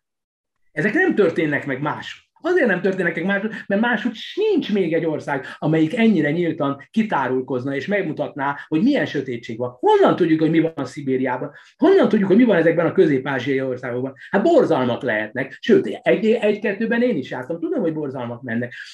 És mégis úgy csinálunk, mintha a legbol, minél nyíltabb valaki, minél inkább nyújtja a, a, a, a segélyjobbját, annál többet rugunk bele. Soros György, aki ebben az országban alkotott, hozzájárult Csurka Istvántól Orbán Viktorig, hogy, hogy, hogy mi ismerté váljanak. Pénzt adott nekik, hogy ezt csinálják. Ebbe rúgnak bele, ezzel szemben azok, akik ellen beszélt, hogy ruszkik haza, mondta ő. Az a legnagyobb barát. Ugyanazok a ruszkik. akik, akiket kiutasított, akinek a, a történelmi ikonná válását köszönhető, hogy azt mondta, hogy a ruszkik haza. És, és az Egyesült Államok, amelyik adta, adta a pénzt, az Európai Unió, ami adja, adja az Európa, hát a, a, a GDP-nk 3,5-4 százalékát kapjuk az Európai Uniótól nettó, nettóban. Szeretném megkérdezni, hogy lehet az a mi legfőbb ellenfelünk, a gyarmattartónk, hát nem azért adja, mert mi akartunk becsatlakozni ebbe az egészbe, Senki nem kérte meg, hogy gyertek oda, mert mi akartunk, és a magyar nép akarta. Erre ezekbe rúgnak bele, és a másikat pedig fölmentik, hogy a, a, a, a, ott legalább van rend. Honnan tudják egyébként, hogy van rend Oroszországban? Hol vannak azok az információs lehetőségek, hogy, hogy ott rend van, vagy nincsen rend? Amerikában onnan tudjuk, hogy van ez meg az, mert mindenről tudom. Mert az egy nyitott ország. Élőben közvetítik a holdra szállást. El tudjuk képzelni, az oroszok élőben közvetítették volna a holdra szállást. Élőben láttuk, hogy hogyan halnak meg amerikai űrhajósok, mert el élőben közvetítették, amit az eszemet tudom. Már az első pillanatok kezdve mindent élőben adtak, felvállalták a, a kockázatnak a lehetőséget, el, el, felvállalták, hogy ők kudarcot vallhatnak. Ezek soha nem vállalják fel, hogy kudarcot valljanak. Soha. Meglátjátok, itt ebben az országban, amíg ezek lesznek, semmilyen kudarc nem lesz elismerve. Az fog győzni, amelyik elismeri a kudarcot. Mindig az győz az emberek között is, aki elismeri, hogy tévedett. Ennél az esetnél is. Végig ez az én fő mondani valamit uh-huh. mondani akartam. Értem. Van itt ezzel kapcsolatban, ez lenne az utolsó kérdésem Afganisztánról, hogy van itt egy ilyen nagy dilemma, úgy látom, hogy azért ez nem egy új dilemma mondjuk, de ez most megint felerősödött, hogy ki lehet azt jelenteni, hogy nem lehet, vagy nem szabad a saját értékrendszerünket és világképünket erővel rákényszeríteni másokra, és minden társadalomnak saját magának kell eljutnia, ha eljut arra a fokra, hogy változtasson a társadalmi berendezkedésén, és kikényszerítsen egy hatalomváltást, és ha ez nem sikerül saját erőből, akkor ugye széttárjuk a kezünket, hogy ez nem a mi dolgunk, vagy megoldást nyújthat -e erre a problémára például, hogy az amúgy is a legkiszolgáltatottabb, legszegényebb legnyomorultabb körülmények között élő emberek viskóit felégetjük és városaikat szétbombázzuk. Van erre ilyen alternatív, van-e más alternatíva kezdett a kettő között? Tehát a demokrácia export, illetve az, hogy hagyjuk őket ugye a saját levükben főni, mondjuk finoman szóval, vagy megdögölni, úgy is mondhatnánk, egy elnyomó rezsim alatt. Tehát mi, ez a nagy dilemma, én most úgy látom, hogy ugye Mit lehet? Így van, így van, nagyon jó, jó, jó. Hát ott ez, ez most újra és újra a, a dilemma, eh, hogy leegyszerűsítetten természetesen a demokrácia export, vagy pedig csinálnak, amit akarnak, ott hagyjuk őket. Ebben sem tud következetes lenni az Egyesült Államok, valahol hagyja, valahol nem hagyja, és valahol pedig érthetetlen, hogy miért hagyja, mert a Venezuela, az, ha most az olajról van szó, az, az, az, az maga a hátsó udvara az Egyesült Államoknak, és ha most igaz lenne az, amit a Wesley Clarktól hallottunk, meg a, azoktól a marxistáktól, vagy szélső jobboldaliaktól egyaránt, hogy a, ahol olaj van, ott az amerikaiak a saját érdekeiket fogják majd csak képviselni. Venezuelában a szabad kérdenem, miért nem mennek be? Venezuela a világ egyik legnagyobb olaj exportálója volt, a világ egyik leges legnagyobb olaj kitermelője, és ott vannak hagyva, azért vannak ott hagyva, kedves nézők, hallgatók, mert ez a bizonyos nemzeti jobboldal, és ez a bizonyos marxista oldal egyszerűen imperialista beavatkozást emlegetne, ha az amerikaiak azt tennék, amit az venezuelai nép vár, ahogy 56-ban várta a magyar nép, hogy tudnélik bevonulni, és szétverni azt az egész bandát, amelyik évtizedek óta hülye nemzeti szövegekkel és Amerika ellenes szlogenekkel éhezésre ítélt a világ egyik korábban leggazdagabb országának népét. Nem lehet tudni, nem, nem lehet, hogy melyiket kell előre tenni, melyiket kell ez, ez, nem, ez is csak azt bizonyítja, hogy amit mi nem tudunk, azt nagyon nagy vonalakban más se tudja. Csak választani lehet opciók között, és ha van opcióm is, akkor is valamilyen módon a következményeket föl kell tudni mérni, és vagy helyesen mérem föl, hírszerzői oldal alapján, stb., vagy nem jó helyesen mérem föl. Sokan azt kérdezik Magyarországon, hogy a nyugat miért nem avatkozik be, egy része a lakosságnak, miért nem, miért nem avatkoznak be? Erre Angela Merkel azt mondja, azért nem lehet beavatkozni, mert egy, ha beavatkozunk, akkor önmagunkat áruljuk el, hogy ez egy szabad világ, ami a világunk, és ha a magyarok ezt akarják, ezt akarják. De mivel, hogy a magyaroknak az 50 nem tudom hány százaléka ezt akarja, akkor mi bemenjünk oda a másik 40 valahány százalék érdekében, akkor, akkor, akkor ebben ezt, ezt mi, miként tehetjük meg? Igen, a magyarok nem alkalmasak az Európai Uniós tagságra, mert az alapértékeket nem tartják tiszteletben. Van-e az Európai Uniónak olyan lehetőségtára, hogy kitegyenek egy országot az Európai Unióból? Nincs. És ha kitennénk ezt az országot az Európai Unióból, vajon annak milyen következményei lennének, nem lesz-e dominó hatás? A magyarok egy része boldog ezzel a rendszerrel. Nincs éhezés, mint Venezuelában, stb. Tehát akkor nem csináljuk meg. Na most ugyanezek a problémák más és más beavatkozási lehetőségi területeken megvannak. Borzalmasan nehéz, belpolitikailag is, nemzetközi politikailag is szövetségeset találva, kinek milyen érzékeny pontja van a potenciális szövetségesek közül, megtalálni, hogy mi, mi mellett döntsünk. De amit mi demokrácia exportnak nevezünk, azzal én nem értek egyet. Én azt mondom, hogy azt a szabadság lehetőséget kell megadni, és segíteni Afganisztánban, Irakban, stb., hogy lehessen egy lehetőség kialakuljon arra, hogy választhassanak. Ha nincs meg az a lehetőség, akkor a dolog egy diktatúra. Ha diktatúra, pláne nemzeti alapon dolgozó diktatúra, akkor a történelem arra tanít bennünket, hogy ezek sosem fognak leállni, és előbb-utóbb vészt hoznak. Mert ahogy a francia elnök mondta, a Mitterrand még mielőtt meghalt, hogy le nationalisme, c'est la guerre. A nacionalizmus maga a háború. Mert így volt a második világháború, így volt az első világháború, minden nagy háború azon alapul, vagy törzsi, vagy ö, ö, vallási, vagy abszolút nemzeti, etnikai alapon, hogy akkor, amikor ezen az alapon irányítanak egy országot, az előbb-utóbb neki megy, vagy kiprovokálja, hogy másnak neki menjen.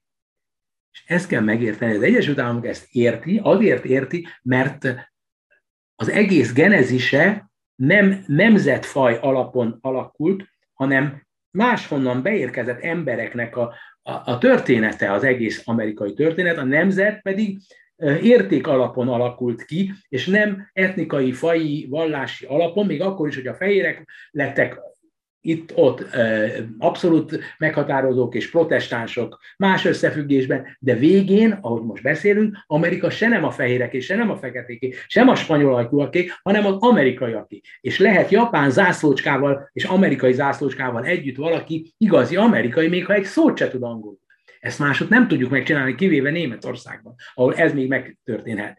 Tehát azt akarom mondani, hogy mindig annak van igaza a legvégén, a történelem erre tanít, aki nem nemzeti megfontolásból cselekszik. Amerikának nincs nemzeti megfontolása, hogy Afganisztánban ezt csinálja, vagy azt csinálja.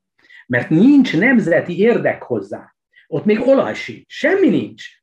Egyszerűen ő neki afganisztáni jelenléte egy olyan szerep volt, amit más nem akart elvállalni. És ha nincs, aki elvállalja, akkor mindig hívják Amerikát.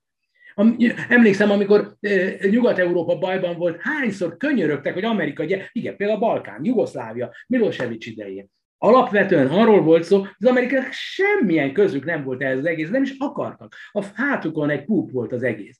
Az izolacionizmus, az Amerika kiváltsága megteheti, hogy megéljen önmaga, mert annyira mindene van, és mégis megteszi. És nem, nem igaz, senki nem tudja igazolni, hogy, hogy azáltal, hogy Németországban beavatkozott, Nem a németek jártak jobban, mint az amerikaiak. Amerikaiak csak meghaltak ebből. Németországnak a, a, a, a, semmit nem segített Amerika. Amerika segített Németországon. És mindig ugyanez ismétlődik, ismétlődik, ismétlődik. Amennyit nyer Amerika bármilyen tekintetben egy országban, sokkal többet tud veszíteni azáltal, hogy oda megy. Azok az országok, amelyekben oda megy, azok potenciálisan többet tudnak nyerni, mint amennyit veszíteni tudnak. Afganisztánban még nem dőlt el, hogy mindez hogyan alakul. De még egyszer mondom, ez nem amerikai biznisz volt Afganisztán. Afganisztán egy szövetségi NATO biznisz volt, ahogy Irak is az volt, még akkor is, hogyha az amerikaiak e, voltak a hunyók, és a britek voltak a hunyók, és mint utóbb kiderült, egy csomó hamis információ alapján is és hazugságokat is elkövettek. De az, hogy hazugságokat elkövettek, az kiderült. És honnan tudjuk? Mert elismerték. Hát mond, szeretném megtudni, hogy a Szovjetunió, Oroszország vagy Kína mikor fog bármit elmondani. Ők mindig csak jót, mindent szépen, aranyosan csináltak. A kínaiak írtják az ujgurukat, és ez olyan szépen meg lehet magyarázni, hogy ők nem ortják. Onnan tudjuk, hogy nem írtják, hogy ők azt mondják, hogy nem írtják. Az ujgurok azt mondják, hogy írtják őket. Tehát ez a világ legtermészetesebb dolga. Amikor én gyerek voltam, akkor a Szovjetunióban, a Szovjetunióban nincs elnyomás, hát mindenki szabad, ezzel szemben Amerikában egy anarchia van. És miért nem mehetnek a szovjetek utazni? Hát azért nem mehetnek a szovjetek utazni, elvtársak, mert nem kíváncsi a szovjet ember az amerikai halódó imperializmusra. Ez volt a válasz. Tehát az egész annyira abszurd, aszimmetrikus, stb., és mi megengedjük magunknak nagyon helyesen, mert ez a mi szabadságjogunk, hogy méricskéljük, hogy az amerikaiak miket művelnek, és ehhez képest az oroszok mit művel, miközben nem aszimmetrikus a dolog. Az egyik egy nyitott társadalom, a másik egy zárt társadalom. Az egyikben leválthatom az elnököt, a másikban soha nem válthatom le az elnököt. Még akkor sem, hogy a világ legdemokratikusabb alkotmányát közzé teszi a Szovjetunió. Akkor sem. Orbán Viktort nem lehet leváltani, ezt most előre megmondom. Pedig Demokrácia van, Európai Unió, NATO, de nem lehet leváltani. Vagy így, vagy úgy, de nem lehet. És ezt azért lehet megcsinálni, mert ez a társadalom olyanná vált, az ő irányítása mellett, hogy úgy csinálunk, mintha szabadok lennénk, mintha minden lehetséges lenne, de nem veszük észre, hogy azt, amit mi szabadságot élünk meg, az ő kegyel, kegye, kegyeiből éljük meg. Abban a pillanatban, hogyha ha az lenne az érdek, és kitalálják, akkor ez a műsor nem jöhetne létre. De ez a műsor mindenféleképpen, akárki az elnök Amerikában létrejönne. Mindenképpen. Nincs olyan elnök, amelyik ezt meg tudná akadályozni. És ez a nagy különbség, és ezt nem értik meg a legtöbben, de joguk van hozzá, és én olyan országban akartam mindig is élni természetesen, ahol megteheti az, hogy én azt mondom, hogy ez, az, ez így rossz, és le, legyen a másiknak az a vélemény, hogy ez így jó. Tehát én nem panaszkodom, én csak el akarom mondani, hogy a saját véleményem szerint alapvetően hülyeség a, a, a, az Amerika ellenességnek a, a története, és alapvetően badarság, hogy relativizálják a diktatúrákat a nyitott társadalmakhoz képest. Az én meggyőződésem az, hogy a, a legrosszabb nyitott társadalom is jobb, mint a legjobb ö, ö, diktatúra. A májusi Hamas rakéta támadások után az izraeli katonai válasz intenzitását és hatékonyságát, valamint az izraeli közvélemény támogatását látva én azt gondoltam, hogy ez most egy megfelelő alkalom lehet, hogy nagyon komoly csapást mérjen Izrael, vagy az IDF a Hamasra, és akár hosszú időre lebénítsák azt, és mégsem történt meg ez, hanem tűzszünetet kötöttek, le, levegőhöz engedve ezzel egy kicsit uh, szerintem az ellenfelüket. Tegnap 2021. augusztus 22-én láttam a hírekben, hogy miután katari segélyek érkeztek Gázába, újra zavargások törtek ki az izraeli határkerítés közelében. Ezek után az izraeli légierő újabb, tő, új, újabb több Hamas célpontot támadott. Szerinted meg lehet állítani valaha Hamaszt, vagy ez egyáltalán nem is célja a mindenkori izraeli kormánynak? Mert szüksége van a Hamasra mondjuk a saját támogatása miatt, mint mondjuk Gyurcsányra a Fidesznek. Érted? És, uh-huh. Ezek a felvetéseid jogosak, a tények, amiket elmondtál, tények. Én úgy gondolom, hogy a, a speciálisan az arab-izraeli konfliktus az korunk egyetlen sajátságos, semmi máshoz nem hasonlítható konfliktusa, amelyben az alapkonfliktus abból fakad, hogy joga van elétezni zsidó államnak azon a területen, vagy nincs joga, és ez a kérdés az, ami megoldatlannak látszik, és még nagyon sokáig várhatóan megoldatlan lesz. Az izraeliek az időre játszanak, hogy az idő lassan, de biztosan a, a, a, a, a reális valóság meg fogja értetni a palesztinokkal, hogy zsidó államnak léteznie kell, és csak akkor jön, jön majd létre palesztin állam, hogyha ez a palesztin állam garantáltan hagyni fog egy zsidó államot létezni. Nem fog az egyik a másiknak a nyakába folytogatólag fölépni. A Hamas az, az egy múló dolog.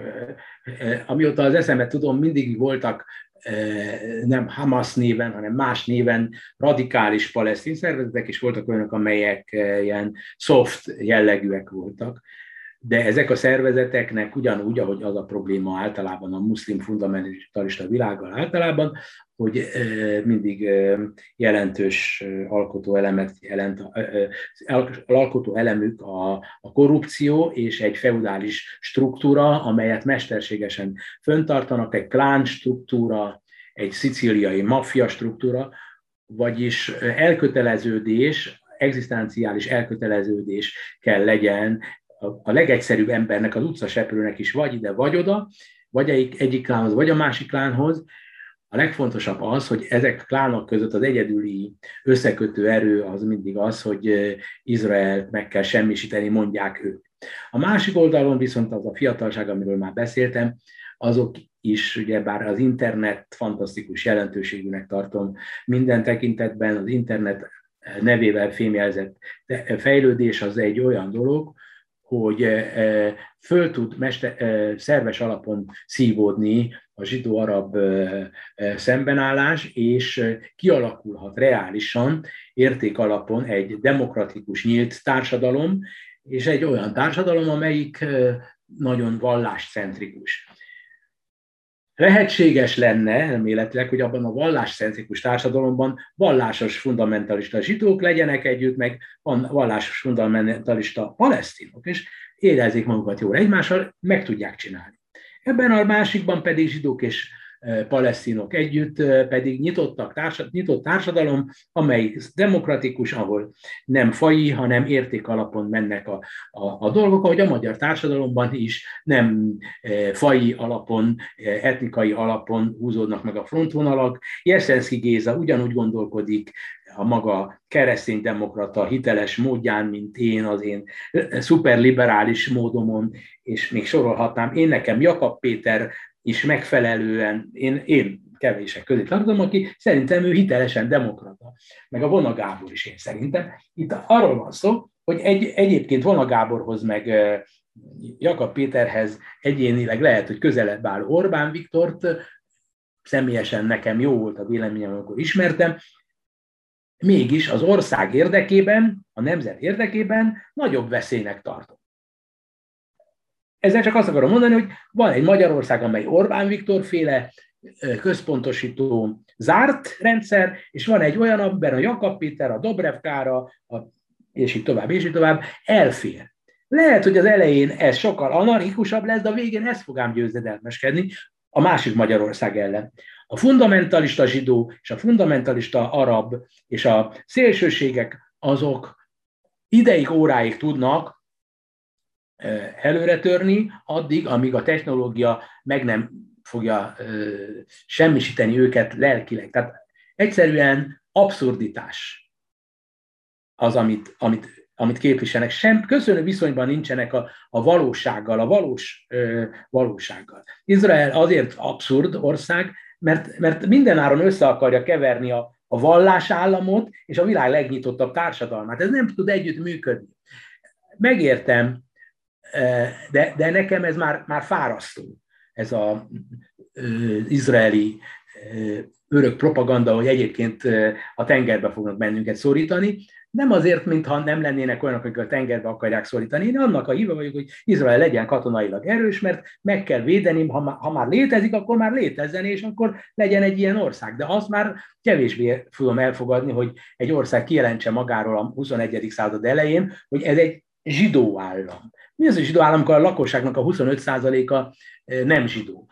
Az már nem lehet zsidó állam, őnekik ez fontos, mert ez az egész önazonosság történethez tartozik, és még nem érkezett el az idő ahhoz, hogy, hogy, hogy ez ne így működjék. Viszont azt nem veszik figyelembe, hogy az arabokat idegesíti. Én Jordániában elég sokat voltam az elmúlt időszakban, és pontosan látom, hogy az egyszerű jordánok, paleszt, Jordániában élő palesztinok elfogadják Izraelt. Tehát elfogadják a, a, a de facto, hogy létezik, de egy, egy sebet hordoznak, mert az apáról fiúra száll az a legenda, hogy ez egy lakott világ volt, és onnan elűzték őket. Ez nem így van egyébként, de a legendák azok mind fontosak, mint hogy az a legenda is legenda, hogy én egy szibériai zsidóként milyen alapon foglalok el olyan házakat, vagy olyan területeken lakom, amihez mit tudom én, 800 éven keresztül semmilyen bizonyítható közöm nem lehetett, és mégis kapok állampolgárságot, ezzel szemben azok, akiknek bizonyíthatóan Jeruzsálemben volt házuk a nagypapájuknak, azok meg nem kapnak izraeli állampolgárságot. Tehát az egész abszurditás, de ugyanakkor Izrael mégis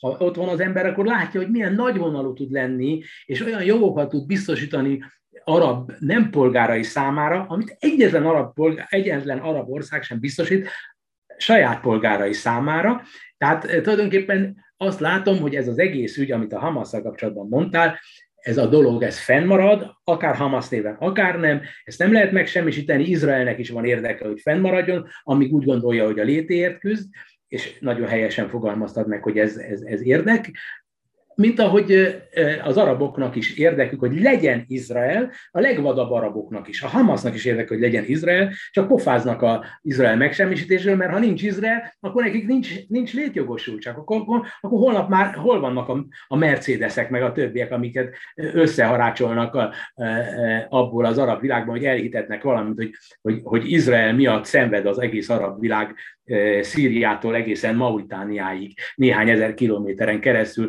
mit tudom én, 35 országot átszelve nyomor, mert, mert a zsidók elfoglaltak egy, egy, egy negyed Dunántúl nagy, nagyságú területet. Tehát az egész abszurd, minden porzigájában abszurd.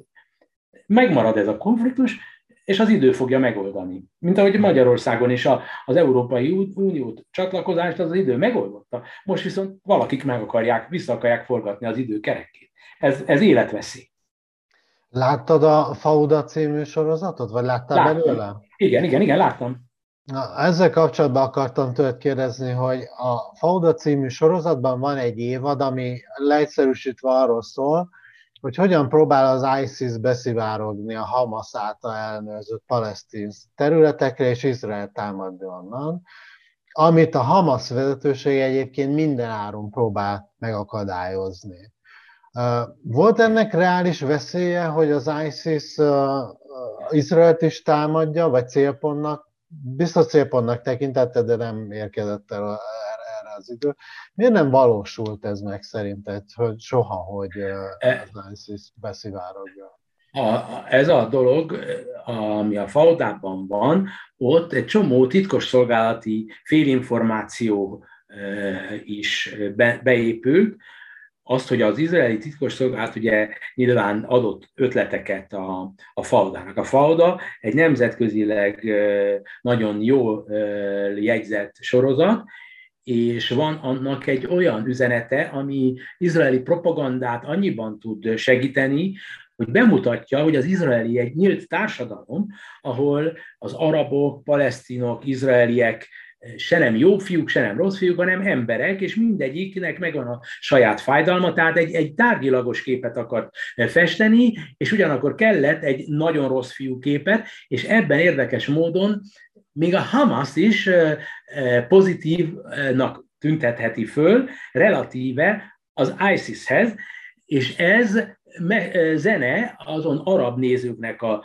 füleinek, akik ezt, ezt, ezt nézték. A faudát az egész arab világban nézték, és nézték nyilván Iránban, de főleg a palesztin területeken, tehát gyakorlatilag ez a film egy, egy teli találat szerintem Izrael hosszú távú érdekei számára, vagy emberszabású országot mutattak be azoknak, akik addig azt hitték, hogy ott a csupa ilyen szőrös, ronda, nagyorú majom él, akik a, a muszlimek, keresztény gyerekek vérét szívják. Ez az egyik oldal. A másik az, hogy az ISIS, meg bármilyen fenyegető, bármilyen konkurencia, az, az valóban reális fenyegetés a Hamas számára, Azért, mert a Hamas most a legnagyobb haszonélvezője azoknak a lóvéknak, amelyeket a különböző arab országokból kapnak, úgymond Gáza népének a megsegítésére, ennek a 90%-át zsebre vágják. Ezek. Nekik nem mindegy, hogy ez a banda van ott, vagy más banda lesz ott. Ha az ISIS jön, akkor az a Hamasra nézve veszélyes. De hát ő, ezek között a szövegszinten van, narratívák szintjén van csak azonosság, hogy le Izraellel megsemmisíteni a zsidó államot, a, nem, megsemmisíteni a cionista államot, a zsidókkal semmi bajunk nincs, a cionista állam, itt az ősgonosz, azt meg kell semmisíteni, vagy más szóval Izraelt meg kell semmisíteni. És, tehát ez, ez a szöveg megy mindegyiknél, de belül igenis reális, hogy ISIS legyen. Az, hogy az ISIS az komolyabb-e vagy sem Izrael szempontjából, eddig semmilyen módon nem bizonyosodott be, hogy az ISIS veszélyes Izraelre. Az ISIS eddig azt láttuk, hogy veszélyes a különböző arab Amerika barát diktatúrákra, vagy bizonyos vallási e, csoportok által uralt országokra. Van arab, pán-arab világban egy, egy nagyon komoly frontvonal nyitott és zárt gondolkodók, muszlim felekezetek között, és modernisták és e, nem modernisták, és a modernistákon belül is e, anticionista modernisták, vagy globalista e, modernisták között. Tehát ez önmagában véve akár igaz is lehet, de akár nem igaz is lehet, mert mondom még egyszer, hogy az izraelieknek volt ebben a filmben küldetésük, hogy bemutassanak egy olyan Izraelt, amelyik emberszabású, amelyik vívódik önmagával, ahol emberek vannak, akiknek az arabok is az embertársai, meg a zsidók is, és a zsidók között is vannak a gonosz rosszak, és az arabok között is vannak nagyon jó emberek. És hogy ezt Izrael bemutatja. Ezzel szemben az arab világ filmgyártásában ilyen film elképzelhetetlen. Elképzelhetetlen, hogy egy arab világban készüljen egy olyan tévéalkotás, amelyben zsidót pozitívan ábrázolnak. Nem mondják, hogy zsidó, csak célzásokat tesznek, és akkor az egy gonosz emberként van bemutatva. Mert nem tudnak elszakadni ettől az alaptól, hogy gonoszok azok, akik elfoglalták a lendet, az, az, az ő szentföldjüket, és azt állítják, hogy hogy ez nem az ő, a mi szentföldünk, hanem az ő szentföldünk. Hazudnak éjjel-nappal. Ezt a narratívát nem tudják az arabok maguktól elhesegetni, és azért nem tudják, mert az iskolákban kötelező ennek a tanítása, és ettől diktatúra mindegyik arab ország, mert a történet nem fekete-fehér, mert igenis van a zsidóknak is igazuk, és van az araboknak is igazuk. De a zsidók körében, az izraeliek körében sokkal nagyobb a tárgyilagosan látó emberek száma, mert kimennek tüntetni, és békeaktivisták is lehetnek hatalmon. Mint ahogy most például hatalomba jutott egy muszlim vallási párt. Hogy lehetne elképzelni egy, egy liberális, nyugatbarát erőnek a, a kormányba vételét Egyiptomban, vagy Jordániában? Nem lehet elképzelni. Vagyis, miközben Izrael megéri a pénzét, az arab világ, mint olyan, a saját, nemze, a saját népe, az arab népek ellen van, mert nem hagyja őket boldogulni, mert mindegyik olyan reakciós belülről, hogy, hogy nekik nincs más lehetőségük, hogy állandóan ellenségeket építeni, és soha nem kibékülni rendesen Izraellen. És akkor Izraelt ez rákényszeríti, hogy elvtelen alkukat kössön Magyarországgal, Lengyelországgal, különböző dél-amerikai diktatúrákkal, hogy meglegyenek a szavazataik az ENSZ-ben. Tehát az arab világnak a, a, a makadsága az, hogy nem hajlandó sohasem elfogadni, hogy legyen zsidó állam, előhozta Izraelből a, a, a, a rosszat, és sodorta az évtizedek során mindig reakciósabb és reakciósabb irányba, És most itt tartunk, és most talán lesz valami változás. A technológiai forradalomban hiszek itt is. Uh-huh, értem. Na jó, akkor ezzel Izraelt bevégeztük, de még van egyetlen egy kérdés. Na jó. jó? Németországgal kapcsolatban, ugye jön az elnökválasztás nem sokára. Kormányzati választás és parlamenti választás, igen. Ezt angolul úgy fordítják, hogy szövet, federal uh, election. A német federal, a szövetségi, azért mondják federal electionsnek, mert a szövetségi orsz, köztársaságnak, tehát az egész országon, mert ugye szövetségi, tartományok szövetsége Németország, mm, igen. és ezért megyek federal. Igen. Mert federalista állam, úgy, mint az Egyesült Állam. Jó. Tehát az utóbbi években azt vettem észre, hogy az európai országok belpolitikai kampányaiban egyre inkább szerepet kap az, hogy az EU-s szégyenpadra ültetett országok, például Magyarország vagy Lengyelországhoz fűződő viszony is a kampány témává válik. Mint egyfajta értékalapú elköteleződés, vagy hitelesség és morális mérce. Ez látható Hollandiában, Luxemburgban, Belgiumban, és azt hiszem, hogy Németországban is most már. Például a Deutsche Welle, ami a német közszolgálati adó globális angol nyelvű programja, ott én nagyon hosszú ideje kemény hangvételű és hosszabb elemző összeállításokban látom, hogy mennyire kritizálják az Orbán kormány különböző lépéseit, például a menekültekkel való bánásmód, az EU-s pénzek felhasználása, korrupció, jogállamiság, sajtószabadság kérdésében, a CEU és a FODAN ugye, és legutóbb az LMBTQ kisebbséget érintő törvénymódosítás miatt.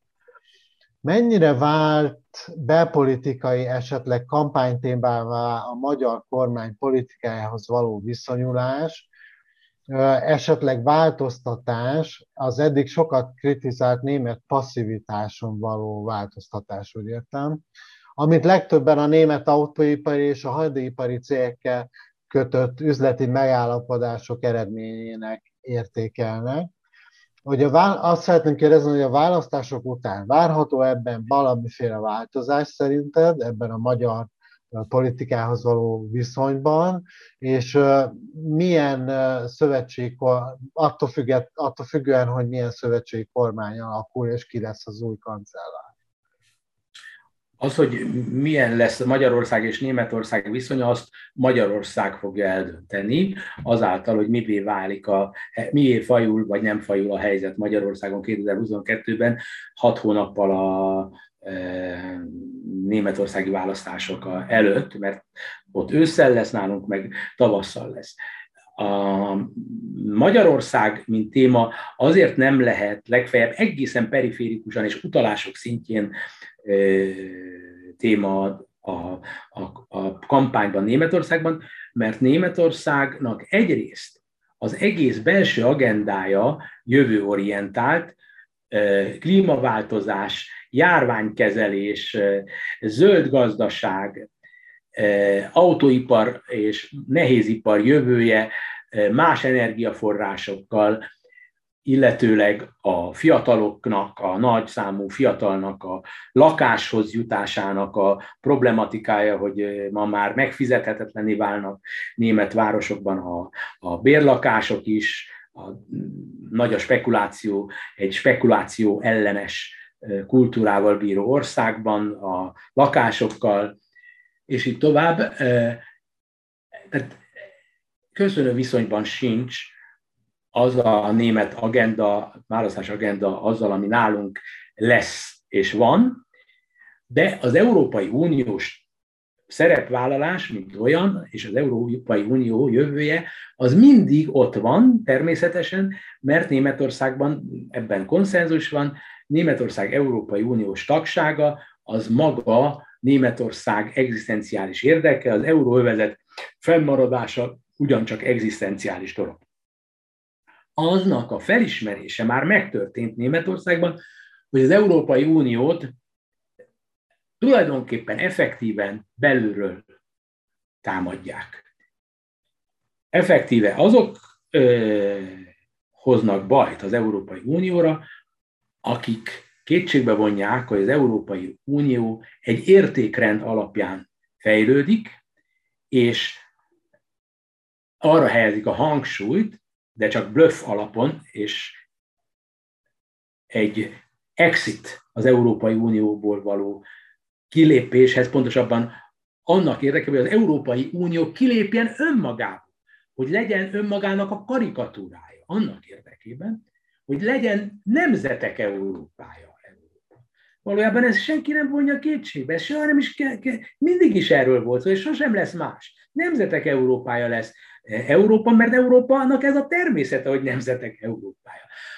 Összekeverik, hogy az ország határok az országhatárok e, fennmaradjanak, fennmaradnak, akkor Magyarország nagyon rosszul jár, mert akkor nem tudnak e, a magyar gazdaság számára fontos dolgok ide-oda járkálni, akkor tényleg felmerül, hogy elmennek Magyarországról, akár a német autógyárak is, holott azok rendkívül jelentős részt e, jelentik a, a magyar nemzeti jövedelem számára, és munkaadók, és minden tekintetben csak jót hoznak. Na most, ha azt látják, hogy a Magyarország szisztematikusan politikai alapon akarja szétszedni az Európai Uniót, már pedig a jelenlegi kormány valójában ezt csinálja, akkor fölmerül, de lehetőség szerint úgy a választási kampány, hogy nem országneveket mondunk, hanem úgy fogják mondani, hogy eddig is, hogy nemzeti egoizmusok, tehát nemzeti önzőségek felülkerekednek európai stratégiai értékek fölé, és ezáltal az Európai Unió gyengül, miáltal Németország is gyengül, és minden Európai Uniós tagállam gyengül, és egész Európa gyengül. Az a kérdés fogják mondani, hogy Európa erős maradjon, Európa egy identitás legyen, egy, egy trademark, egy, egy brand, vagy pedig ne legyen. Csak Kína legyen, meg Oroszország, meg Egyesült Államok. És a, a, a, a, futottak még kategóriába süllyedjünk. Ez ilyen módon bele kell, hogy kerüljön valamiképpen Magyarország a szöveg környezetbe, de fő mondani valóban éppen azért, mert a németek németek, ők az utolsók, akik elkezdenek konkrétan mutogatni mondjuk Magyarországra, vagy egyáltalán ellenségeket megnevezni, hanem értékrendek közötti konfliktusokat fognak bemutatni, és azt fogják mondani, hogy az az értékrend, amelyik azt mondja, hogy az emberi jogok nem olyan lényegesek, hogy válogatnak, hogy fehér európai bejöhet, de sötétbőrű európai már nem jöhet be, és származás alapon kezd megkülönböztetni menekült és menekült között, az nem lehet Németország útja, mondhatják a választási kampányban. Nem fogják kimondani, hogy ez Magyarország, hanem mindenki értse úgy, ahogy értjük.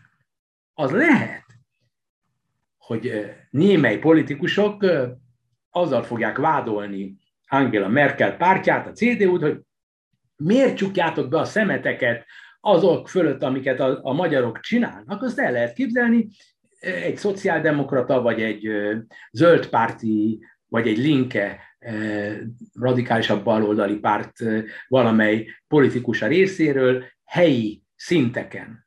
Hogy azt kell mondani a választó közönség számára, mert annak muzsika a füleinek, esetleg ennek a közönségnek, hogy hogy Magyarországot miért hagyják, hogy így legyen. Igenis Angela Merkel és a CDU felelős azért, hogy így alakultak a dolgok. Ők hagyták, hogy, hogy Magyarországon felnőjön szabadon egy ilyen ö, ö, olyan rezsim, amelyik ö, fölbátorodott azon, hogy mi németek egy szót se szólunk azért, amit csinál. Ez elképzelhető, de alapvetően nem lesz. És még egyszer mondom befejezésül az utolsó változat, csak megismétlem, mert ezzel kezdtem. Magyar-német viszony tud meredeken romlani. Meredeken tud romlani, abban az esetben, ha Magyarországon meredeken romlik ebben a tekintetben a helyzet, és ez a bizonyos németek által nemzeti egoizmusnak nevezett ködösen megfogalmazott dolog, ami nem más, mint a nacionalizmusnak egy ilyen eh, radikális szélső jobboldali felfogása folytatódik, akkor Magyarország és Németország között, mint hogy Magyarország és egy csomó más nyugat-európai ország között antagonisztikus, nyíltan antagonisztikus ellentét fog kialakulni, és törésre fog sor kerülni, és Magyarország le fog lépni. Sosem fogja hagyni, hogy kirúgják, hanem ő maga fog lelépni, ahogy a néppártból lelépett, ahogy folyamatosan mindenhonnan lelétszel, lassan, de biztosan. A műsor végén meg szoktam kérni a vendégeinket, hogy ajánljanak a nézőknek olvasni valót, kulturális programot, amivel a közelmúltban találkoztak, és esetleg ajánlanák másnak is. De mit ajánlanál Péter a nézőknek?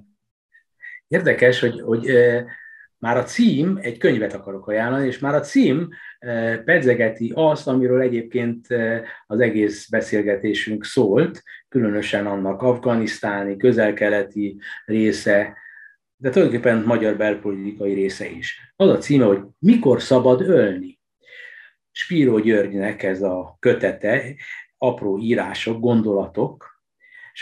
Spírót személyesen is ismerem, de a könyveinek a nagy része fantasztikus tudásról tanúskodnak, és ez a könyv 2020-ban íródott, és hallatlan sok olyan gondolatot is tartalmaz, amelyeket te konkrétan felvetettél, töprengtél rajta, és engem is kértél, hogy velem egy, veled együtt töprengjek, és a végkicsengése, talán nem lövöm le a poént, Spiro már 10-12 éve mondja, hogy amiben most kerülünk, az egy új középkor, üdvözlünk a technológiailag fejlett középkorban. Körülbelül ez az egyik írásnak a, a végkicsengése szó szerint, és mindenütt előjön az, ami a mában játszódik, és kommentálja a Spiro, akár a Covid járványt, akár az, hogy Amerika mennyire áll szent, vagy nem áll szent, a nyugati világ mennyire áll szent, vagy nem áll szent. A lényeg az az, hogy ő katasztrófát prognosztizál. Mindenképpen azért érdekes, hogy ő mondja, mert ellentétben velem, és valóban én nem szerénkedem, én az igazat mondtam végig, én egy nagyon felemásan művelt, úgy mondhatnám, hogy félművelt ember vagyok. És eljutottam ugyanolyasfajta következtetésekre, amilyenekre Spíró, Spíró György Magyarországon páratlanul művelt, páratlanul széles látókörű ember, és mutatja azt, hogy tök mindegy, hogy honnan jövünk, hogy milyen diplomáink vannak, ha elmélyülünk dolgokban, gondolkodásban, akkor simán fel tudjuk verni a versenyt szellemi vitákban a legképzettebb, a legnagyobb gondolkodókkal is. És nem kell szégyelnünk, hogy vitatkozunk velük, és merni lehet velük vitatkozni. Spiróval is tudnék egy millió dologban vitatkozni. Nem arról van szó, hogy neki igaza van, hogy nekem igazam van, hanem a, a szellemi szabadság, korlátlansága. Kimerjük mondani a dolgokat, és ez a mostani veled való beszélgetés is eh, ennek a jegyében zajlott, és a Spíró könyv aztán végképp ennek a jegyében íródott. Nagyon köszönöm Zentai Péternek, hogy megosztotta velünk a gondolatait. Mindenkitől azt szeretném kérni, ha még nem tette, iratkozzon fel, valamint ha módodban áll, támogass minket Patreonon. Köszönöm Péter, szervusz! Én köszönöm neked.